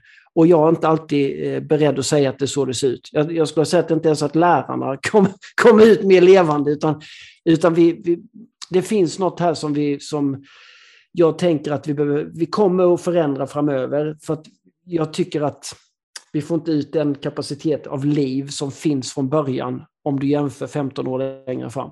Mm. Inte i alla fall av 33, 33 eller 50 procent av ungarna. Om du frågar mig. Mm. Eh, och, så, och sen också då, och jag tänker att barnen då kan smitta oss och påminna oss om barnet i oss. Och det, det, är viktigt att komma ihåg, jag vill inte bli ett barn igen jag vill inte bajsa ner mig, det kommer tids nog, men jag vill inte bajsa ner mig nu eller börja liksom inte kunna gå. Jag vill inte tillbaka till barnet, men jag vill ta det som alltid har funnits med mig. När jag kom hit som barn hade jag något redan med mig, något som levande gjorde den här kroppen. Kroppen i sig har ju inget liv, alltså det är ju bara en köttbit, utan någonting levande gör den här mekanismen. Det vill jag ha med mig. Det vill jag ha med mig ända till jag lämnar kroppen. Mm. Och det kan jag se, det är liksom barnatro eller barnasinnet för mig. Det är som ett, ett extra sinne vi har. Att, att, som mer kanske handlar om liv än barn, men jag ser att de är väldigt ihopkopplade. Eh, så det tycker jag, och det, det är liksom min mission i allt jag gör. Om jag skriver, föreläser, jag har aldrig någon plan riktigt vad jag ska göra. Men det som driver mig är just att kunna föra ut och inspirera folk till att börja känna mer liv, komma i kontakt med det de redan har.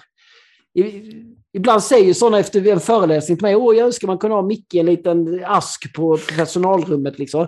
Och jag säger, det är, inte, det är inte jag som stoppar in något i min publik. Det, det låter ju nästan perverst. Jag stoppar aldrig in något i en publik. Utan det enda som händer, skulle jag vilja säga, det är att jag kanske gör saker, eller trycker på vissa saker som gör att de väcker till liv det de redan har. Alla mm. vi har detta.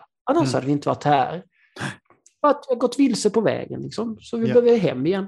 Mm, exakt. Jo, men att det du gör, som du var inne på, är att du skapar en sorts resonans och du, du mm. triggar igång mm. någonting som finns i oss alla säkert. Och, och där är jag också nyfiken på det du säger här med att bejaka barnasinnet eller barnatron. Vad, vad gör du själv för att just eh, när det kommer till att bejaka din egna barnatro och barnasinne, hur, hur håller du dig barnslig mycket? Att jag inte tar mig själv på stort allvar. Mm. Att det, det är det enda. Det är det, alltså, tro inte att du är något. Jag har till och med ett armband där det står, ja, men det står inristat på mitt armband. Tro inte mm. att du är något. Det är mm. min frigörelse.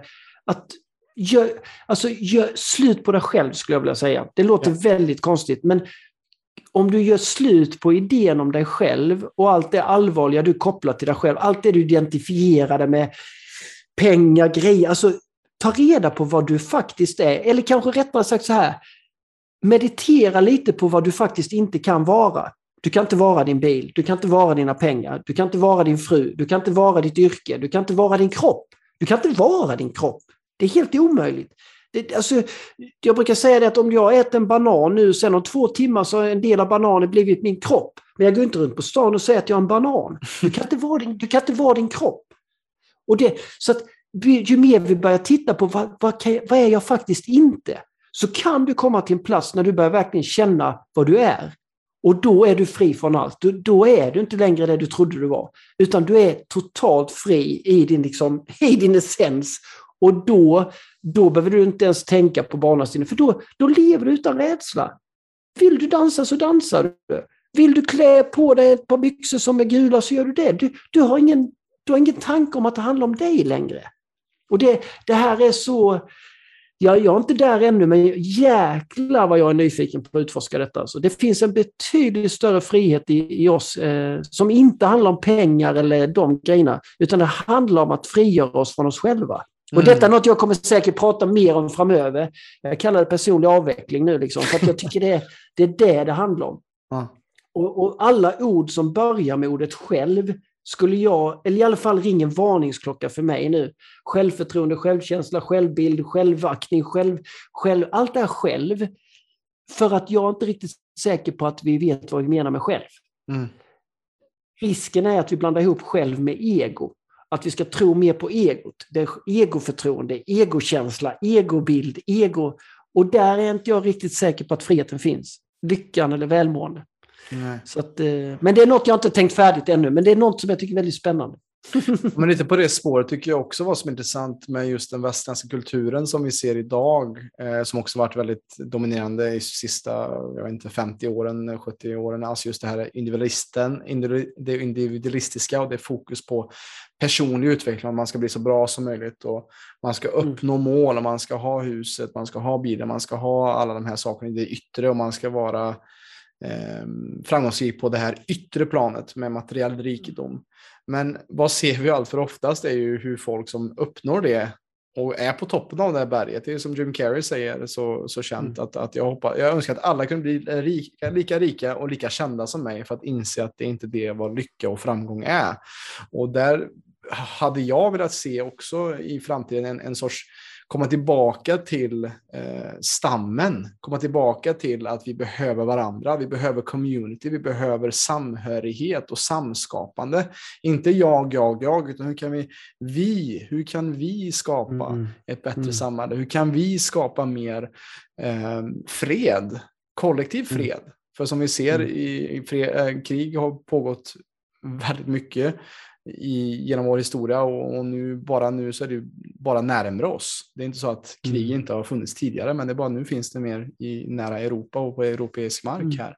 Mm. Och hur kan vi istället för hur kan jag? För att det är också så.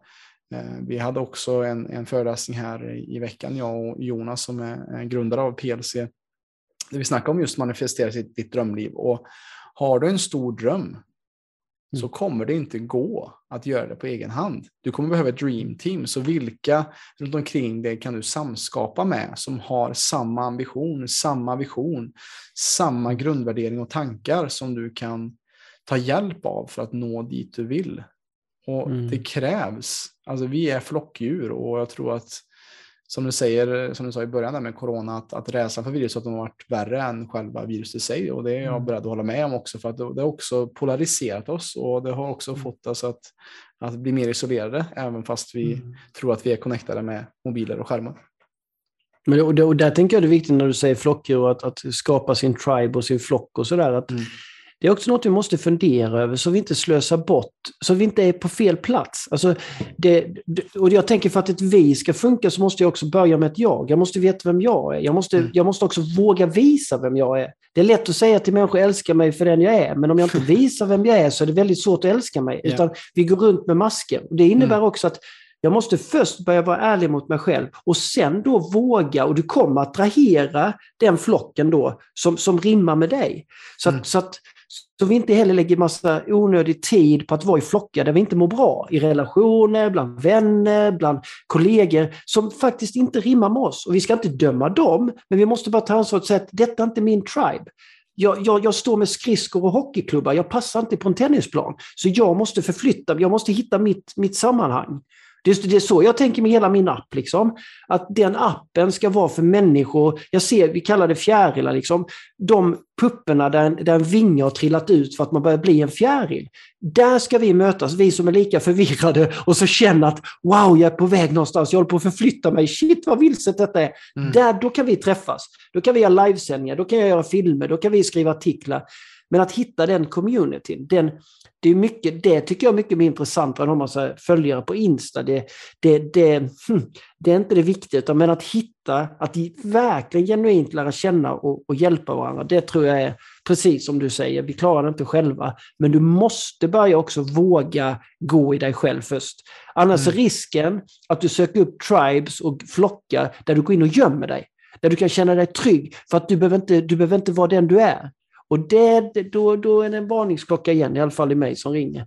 Um, ja, precis. Mm. Och det, det, ser jag också så här, många snackar också om toxisk maskulinitet också, att det just, just det här, just att eh, att bara hitta en flock, särskilt som för unga män, är, är bland de farligaste för ett samhälle. För att om du har, mm. sätter dem i en flock där det är, inte finns någon äldre man eller en mentor som kan guida dem. Jag skulle kunna se dig som en, en fantastisk äldre man för att just lära män, uh, unga män till exempel att, mm. att just uh, ta vara på den här uh, ungdomliga adrenalinet och sexuella energin. Att mm. skapa mm. någonting av kärlek mm. istället för att skapa förstörelse i världen. Mm. För, för det är oftast det vi ser eh, när det kommer till just eh, unga män och, och mm. där jag också är relativt ung fortfarande och där jag har valt mm. att just lägga det med ett kreativt syfte att skapa mm. och att utveckla mig själv och försöka hjälpa andra människor. Men det, men det är en hårfin gräns där. Mm. Ja, och det, det, tror jag Robin, om du och jag skulle göra en intervju om ett år eller två år igen, så mm. kommer någonting som du vet att du kommer prata med mig om, som jag då lagt mycket tid och energi på, kommer just vara kopplat till eh, eh, den sexuella energin. Mm. Eh, framförallt hos oss män, men också kvinnor och i relationer. Men där ser jag ett, ett jag känner i hela mig en sån jäkla viktig mission där, för att jag också har gjort en egen jätteresa på det planet. Det har inte jag pratat om, jag har inte jag har inte själv landat in riktigt. Eh, jag har börjat smått. Och det är rätt kul att du just idag sitter vi, för imorgon så kommer jag, så ska jag släppa en, en film mot arbetsmaterial i min app som jag har gjort som är exklusivt bara, där jag för första gången liksom, ja, outar lite den resan. Men jag tycker mm. det är så jäkla viktigt alltså. Mm. Eh, men jag, jag måste nu ta väck vi har inte råd med skämskuddar och mer skambelagda tankar kring vårt möte med och, och vår, vår, vad ska jag säga, vår, vår ohälsa när det gäller och obalans när det gäller vår sexuella energi. Vi, vi har inte tid och råd för att det skapar så mycket elände på vår planet. Fast det är ingen som, vi pratar inte om det. Vi, Nej. Vi ser det mer som att man får inte ligga, eller det, och det har inte alls med det att göra. Det har inte alls med det att göra att förstå sin sexuella energi. Utan mm. det handlar också om att levandegöra dig med en av de mest kraftfulla energier som finns. Men då måste du, likväl där, du måste bemästra den energin. Du måste själv sätta dig vid, det är inte en häst som skenar med dig, utan du vet hur du leder dig själv även när det gäller den sexuella energin. Mm. Och det är också ett område som man skulle kunna ha ett bara ett program att prata om, för det är så jäkla intressant alltså. Eh, och jag har ju försökt vara med i vissa poddar nu och det har gått jättebra, men det har ju också, jag har aldrig tagit, fått så mycket skit heller och, och, och liksom eh, ja, väldigt tuffa grejer liksom, bara för att jag väljer att våga prata om detta. Liksom. Eh, det. det. är så lätt idag att eh, bli man och kvinna och så står vi och kastar skit på varandra och vi kommer ingenstans. Nej, exakt. Sorg, sorgligt. Det, ja, men det behövs en sorts brygga där på något sätt som du säger. Och, mm, ja, och det, det, det, finns en anledning när det är något med tabu eller skambelagt att, att, att det blir en skugga, alltså en kollektiv skugga för oss alla. Yep. Eh, yep. Så att det är just det som du är inne på. Och, och mm. där tänkte jag, jag, det är det som är så fantastiskt med att driva en podd, för att då kan jag lite själviskt också ställa in lite frågor för min egen del. jag, jag har faktiskt sparat en fråga här till dig Micke, för, för att någonting som du också sa i någon podd var det här just kring när du gick in i väggen eh, och någon började mm. fråga dig vad, vad vill du eller vad är dina behov? Och du hade inte en aning. Och, och, och, där, och, där, är någonting som jag har insett i mig själv så här, som, eh, som man i 30-årsåldern, just det här med att eh, också som jag har hört min, en av mina lärare som jag har gått coachingkurs genom, han sa the spiritual man som inte har några behov, som är stark och som håller, håller eh, skeppet för alla andra. Och, och där har jag bara, shit, vad är faktiskt mina behov? För att jag är sällan att jag pratar om det. Hur, hur, ser du på den frågan som, som en man som ska vara stark och du vet eh, hålla, hålla på saker och jag har inga behov, jag är stark nog att klara mig själv. Vad, vad känner du kring det jag säger och, och vad skulle du säga till en lite yngre man som jag när det kommer till att hitta sina behov? Fan, jag, jag har nog aldrig faktiskt hört, hört den, den den twisten att mm. män ska stå eh, och vara, vara starka och hålla och, och att, vi ska ha några, mm. och att vi inte ska ha mm. några behov. Jag mm. tycker, skulle vi titta jag tänker att många män är väldigt duktiga på att uttrycka, alltså att, att se till att de får sina behov tillgodosedda. um, ja, men jag tycker det. Alltså det mm. jag, jag, träffar ju så fruktansvärt mycket kvinnor. Liksom. Mm. 80 procent av alla människor jag möter är kvinnor. Och när jag ser hur den obalansen ser ut, liksom, bara där, man och kvinna, om vi nu ska titta på man och kvinna, mm. så mm. skulle jag vilja säga att män får ju betydligt oftare se till att, att de får sina behov tillgodosedda än kvinnan. I mm. alla fall, nu kanske jag har fel där, men det är i alla fall min generella uppfattning eh, att man är duktigare på det. Mm. Eh, så frågan är lite vad du menar där Robin, eh, att du inte... Det jag menade att jag inte visste mina behov, det var att jag mm. var så utåtstyrd utifrån att, att vad ska jag säga, jag, jag, det var viktigt för mig att ha koll på vad andra mådde bra av, vad andra behövde, vad andra, så att jag glömde bort min egna kravspec på vad jag behöver för att må bra i livet. Utan jag var alltid där för de andras skull. Och det, det rotade sig egentligen i mycket djupare saker, att jag var rädd att bli övergiven, att jag var rädd att bli lämnad, att jag var rädd att inte bli älskad. Det var ju saker jag hade med mig som väldigt litet barn, liksom, som mm. jag behövde titta på som gjorde då att jag plisade andra hela tiden. Ja. Så, så det jag menar i den, den exemplet var att när de väl började prata om mig vad jag behövde, så var det mycket enklare för mig att berätta vad andra behövde. Ja, jag tror det, många det... känner igen sig, många ja. kvinnor framförallt, mm. eh, känner igen sig det. Precis. Och, och det, det, är just det som du pratar om, det är det som jag menar mm. också. Just det här, mm. för att, för att det är också det är lätt för mig att vara när jag är en coach. Det är, lätt att, det, det är också något med, som är en gåva med att vara coach, det är att man, mm. man slipper sina egna problem. Man får hjälpa någon annan med någon annans problem. Mm. Och att, att, man blir en hjälpare och att man blir, det, det är lite det jag menar, att, att jag har insett, oj shit, jag har ju faktiskt egentligen mer mm. behov, fast jag tillåter inte mig själv bejaka faktiskt vad jag behöver. Och då, och då det, alltså behov, då kommer vi ju... Tvillingen till behov, eller nästan samma sak, det är ju gränser. Mm. Då är vi inne i, då är vi inne i och, och snackar egentligen gränser. Alltså hur pass tydligt visar jag vem jag är? Eller hur pass tydligt visar jag mina gränser? Vem, vem jag är? Alltså att vara tydlig vem jag är, det är egentligen gränssättande. Mm. Eh, att visa dem att detta behöver jag, eller detta, här, här går min gräns, eller detta går jag med på. Så det handlar egentligen om att bli mer och mer tydlig. Att börja ta ty mer och mer tydlig vem, vem jag är och våga ge uttryck för det. Att vill jag dansa som jag gör nu eh, så, eh, en gång i veckan, eller så, så gör jag det. För att jag mm. vill det och behöver det. Sen om andra tycker det är genant, pinsamt eller det, må vara hänt, det får vara deras problem. Men för mig är det viktigt att ta mina egna behov och gränser på allvar. Så när folk säger till mig, det kan vara till och med mina barn vid ett tillfälle som sa pappa måste du dansa? Mm. Ja, där går, min, där går min gräns, där, går yeah. min, där är jag tydlig. För jag vill att de ska göra det de mår bra utav. Yes. Så Ja, jag tycker det är spännande twist, men, men, men eh, sen tycker inte jag att det är så intressant längre. Jag tycker det är intressant att prata om maskulin och feminin energi, som vi mm. alla har. Både, mm. Inte man och kvinna, utan mer titta hur balanserar vi upp den feminina och den maskulina delen i oss, var och en. Yeah. Och Det tycker jag är mycket mer intressantare egentligen att diskutera. Mm. Eh, och där det har varit en obalans i vårt samhälle och i oss människor. Men som, där, där jag tänker att där behöver vi få hjälp och stöd att balansera upp oss. Eh, mm. kan man göra på massa olika sätt. Jag tycker mm. det är jättespännande. Sen mina behov, jag, jag, jag är ganska, jag tror jag är rätt duktig på det nu, att, att jag, jag tar, jag har min egna liksom kravspec på vad jag behöver. Eh, och så ser jag till att, eh, innan gillade inte jag så disciplin och rutiner eller kontroll. Idag så ser jag det mer som en, en försäkran. En försäkring, nästan som att teckna en försäkring med mig själv. Mm. Att vet jag att jag mår bra av detta, då blir det som en försäkring om jag går och tränar, om jag går en promenad per dag, eller tränar yoga eller mediterar. Det är mer en, en, en schysst, billig försäkran om att det som ska hända händer. Eh, sen kan man ha olika svårt för det, men, men för mig, så jag gillar ju, idag kan jag verkligen disciplin, går jag nästan igång på det ordet. Jag tycker det är hur jävla coolt som helst. För då vet jag vad jag gör. Ja. Då, då vet jag vad jag håller på med. Precis. Mm. Ja, men det är det, det, alltså att disciplin också skapar frihet på något sätt också när man, när man har en Exakt. morgonrutin eller någonting. Att man, man känner att när kvällen är gjord sen så, ja, vad skönt att jag gjorde den här timmen på morgonen till exempel. Mm.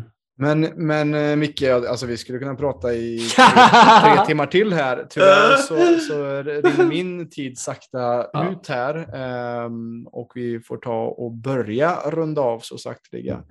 Men mm. vilket otroligt rikt samtal och jag kan verkligen känna det genom skärmen. Uh, det har varit fantastiskt. Vad, är det någonting som du tycker eh, vi har lämnat orört som du vill, eh, eller någonting du vill säga så här i slutet där på det här samtalet som dyker upp för dig? Nej, jag tänker något som kommer till mig jättestarkt nu när jag sitter, det är, jag vill säga vänta inte. Jag, jag säger det till ni som lyssnar på detta och vissa av er, jag vill bara säga så här, vänta inte. Mm. Och sen vet du vad det är du inte ska vänta med. Och det får du ta ansvar för. Men jag vill bara säga det. Det, vi vet aldrig när det här tar, det här tar slut, så skjut inte upp det för mycket. Mm. Jag brukar skoja ibland när jag säger att vi inte har någon framtid, att de som väntar på ett sen kommer dö först. För det kommer inget. det, ja. Så, ja. Mm. Och våga lita på det, det du hör, din sanning där inne. Den är ja. så intelligent så du anar inte. Det är nog bara det jag vill säga. Mm. Och sen tack till dig. Fantastiskt. Du hade så fin också. Jädra god energi. Man blir så glad. det, var, det var jättehärligt. Jättehärligt. Ja. Ja, men härligt. Då får du ta med mm. den och, och, kultivera den så, så mycket du vill här ikväll. Och eh, som jag tyckte var så kul också, innan vi drog igång här så fick jag ett mail från dig och då har du så här avslutningsvis så står det på ditt mail eh, ett citat, livet är för tok för viktigt för att ta på fullaste allvar. Så det tycker jag också kan vara en bra, bra mm. liten sak att ta med dig för dig som mm. lyssnar. Tack så mycket Micke för att du har varit med här idag. Jag tror att det är väldigt många som är eh, sugna på att veta mer om dig och kanske vill eh, kolla mer på din app, eh, böcker du har mm. gjort eller kanske boka dig till en föreläsning till deras företag. Vart kan de hitta dig Micke? Jag tänker att det finns ju, man kan ju googla, men, men mickegunnarsson.se eller .com, det är hemsidan. Men annars är det Instagram, tycker jag, Micke Gunnarsson, som, där jag är väldigt aktiv. Och sen appen heter Micke Gunnarsson och vänner och den finns där appar liksom finns. Eh, mm. Mm. Så jag är ganska lätt att nå. De, man hittar mig nog, jag hoppas det. Eh, och tveka aldrig att höra av sig. Och sen om det Sen om det är föreläsningar eller vad man nu... Jag tycker ibland så här, ta kontakt. Om det är något man har ett behov av en organisation och så inte vet riktigt, så kontakta oss. För då, det, då kan vi forma det. Sen om det är workshop eller om det är coaching, jag har after work nu med förskola, liksom, där jag kör after work en gång i månaden, en timme där vi träffas digitalt, får ta upp anonyma frågor som har kommit upp i, i organisationen. Så att jag, jag tycker det är spännande att utforska och se mer, vad är det ni verkligen behöver? Så det inte bara mm. blir, ja men jag föreläser, utan så alla är välkomna att kontakta mig så får vi se vad man kan göra med det. Mm, mm. Fantastiskt. Det, det, efter det här samtalet så är det många vill, vill ha, ha, mer av Micke Gunnarsson. kanske Men det. Jag kommer så, det. såklart också att uh, länka det i beskrivningen till det här avsnittet mm. också så att man kan hitta det. Uh, helt enkelt länkar och så till uh, Micke. Så stort tack Micke för din mm. tid här och dina ord och din visdom här mm. med oss i, idag. Eh, och som jag alltid brukar avrunda de här avsnitten med, har detta varit givande, har det varit intressant, har det varit inspirerande, för all del dela med dig av det här samtalet, den här podden till när och kär så att vi sakta men säkert kan förändra Sveriges syn på hälsa. Mm. Tack för din tid och eh, Tusen ta hand om dig. Ja, detsamma. Hej då med dig. Stort tack för att du har lyssnat på detta avsnittet av PLC-podden. Om du som lyssnare är intresserad av att få bättre balans på din kropp och hälsa så kan du gå in på www.plclub.se. Där kan du göra en gratis hälsoundersökning och läsa mer om hur vi hjälper människor på ett holistiskt sätt att skapa mer energi, få igång förbränningen och minska värk. Alltså www plclub.se. Vi finns även på Instagram, YouTube, Spotify och Facebook at Premium Lifestyle Club om du vill ta del av mer gratis material. Stort tack för din tid här med oss.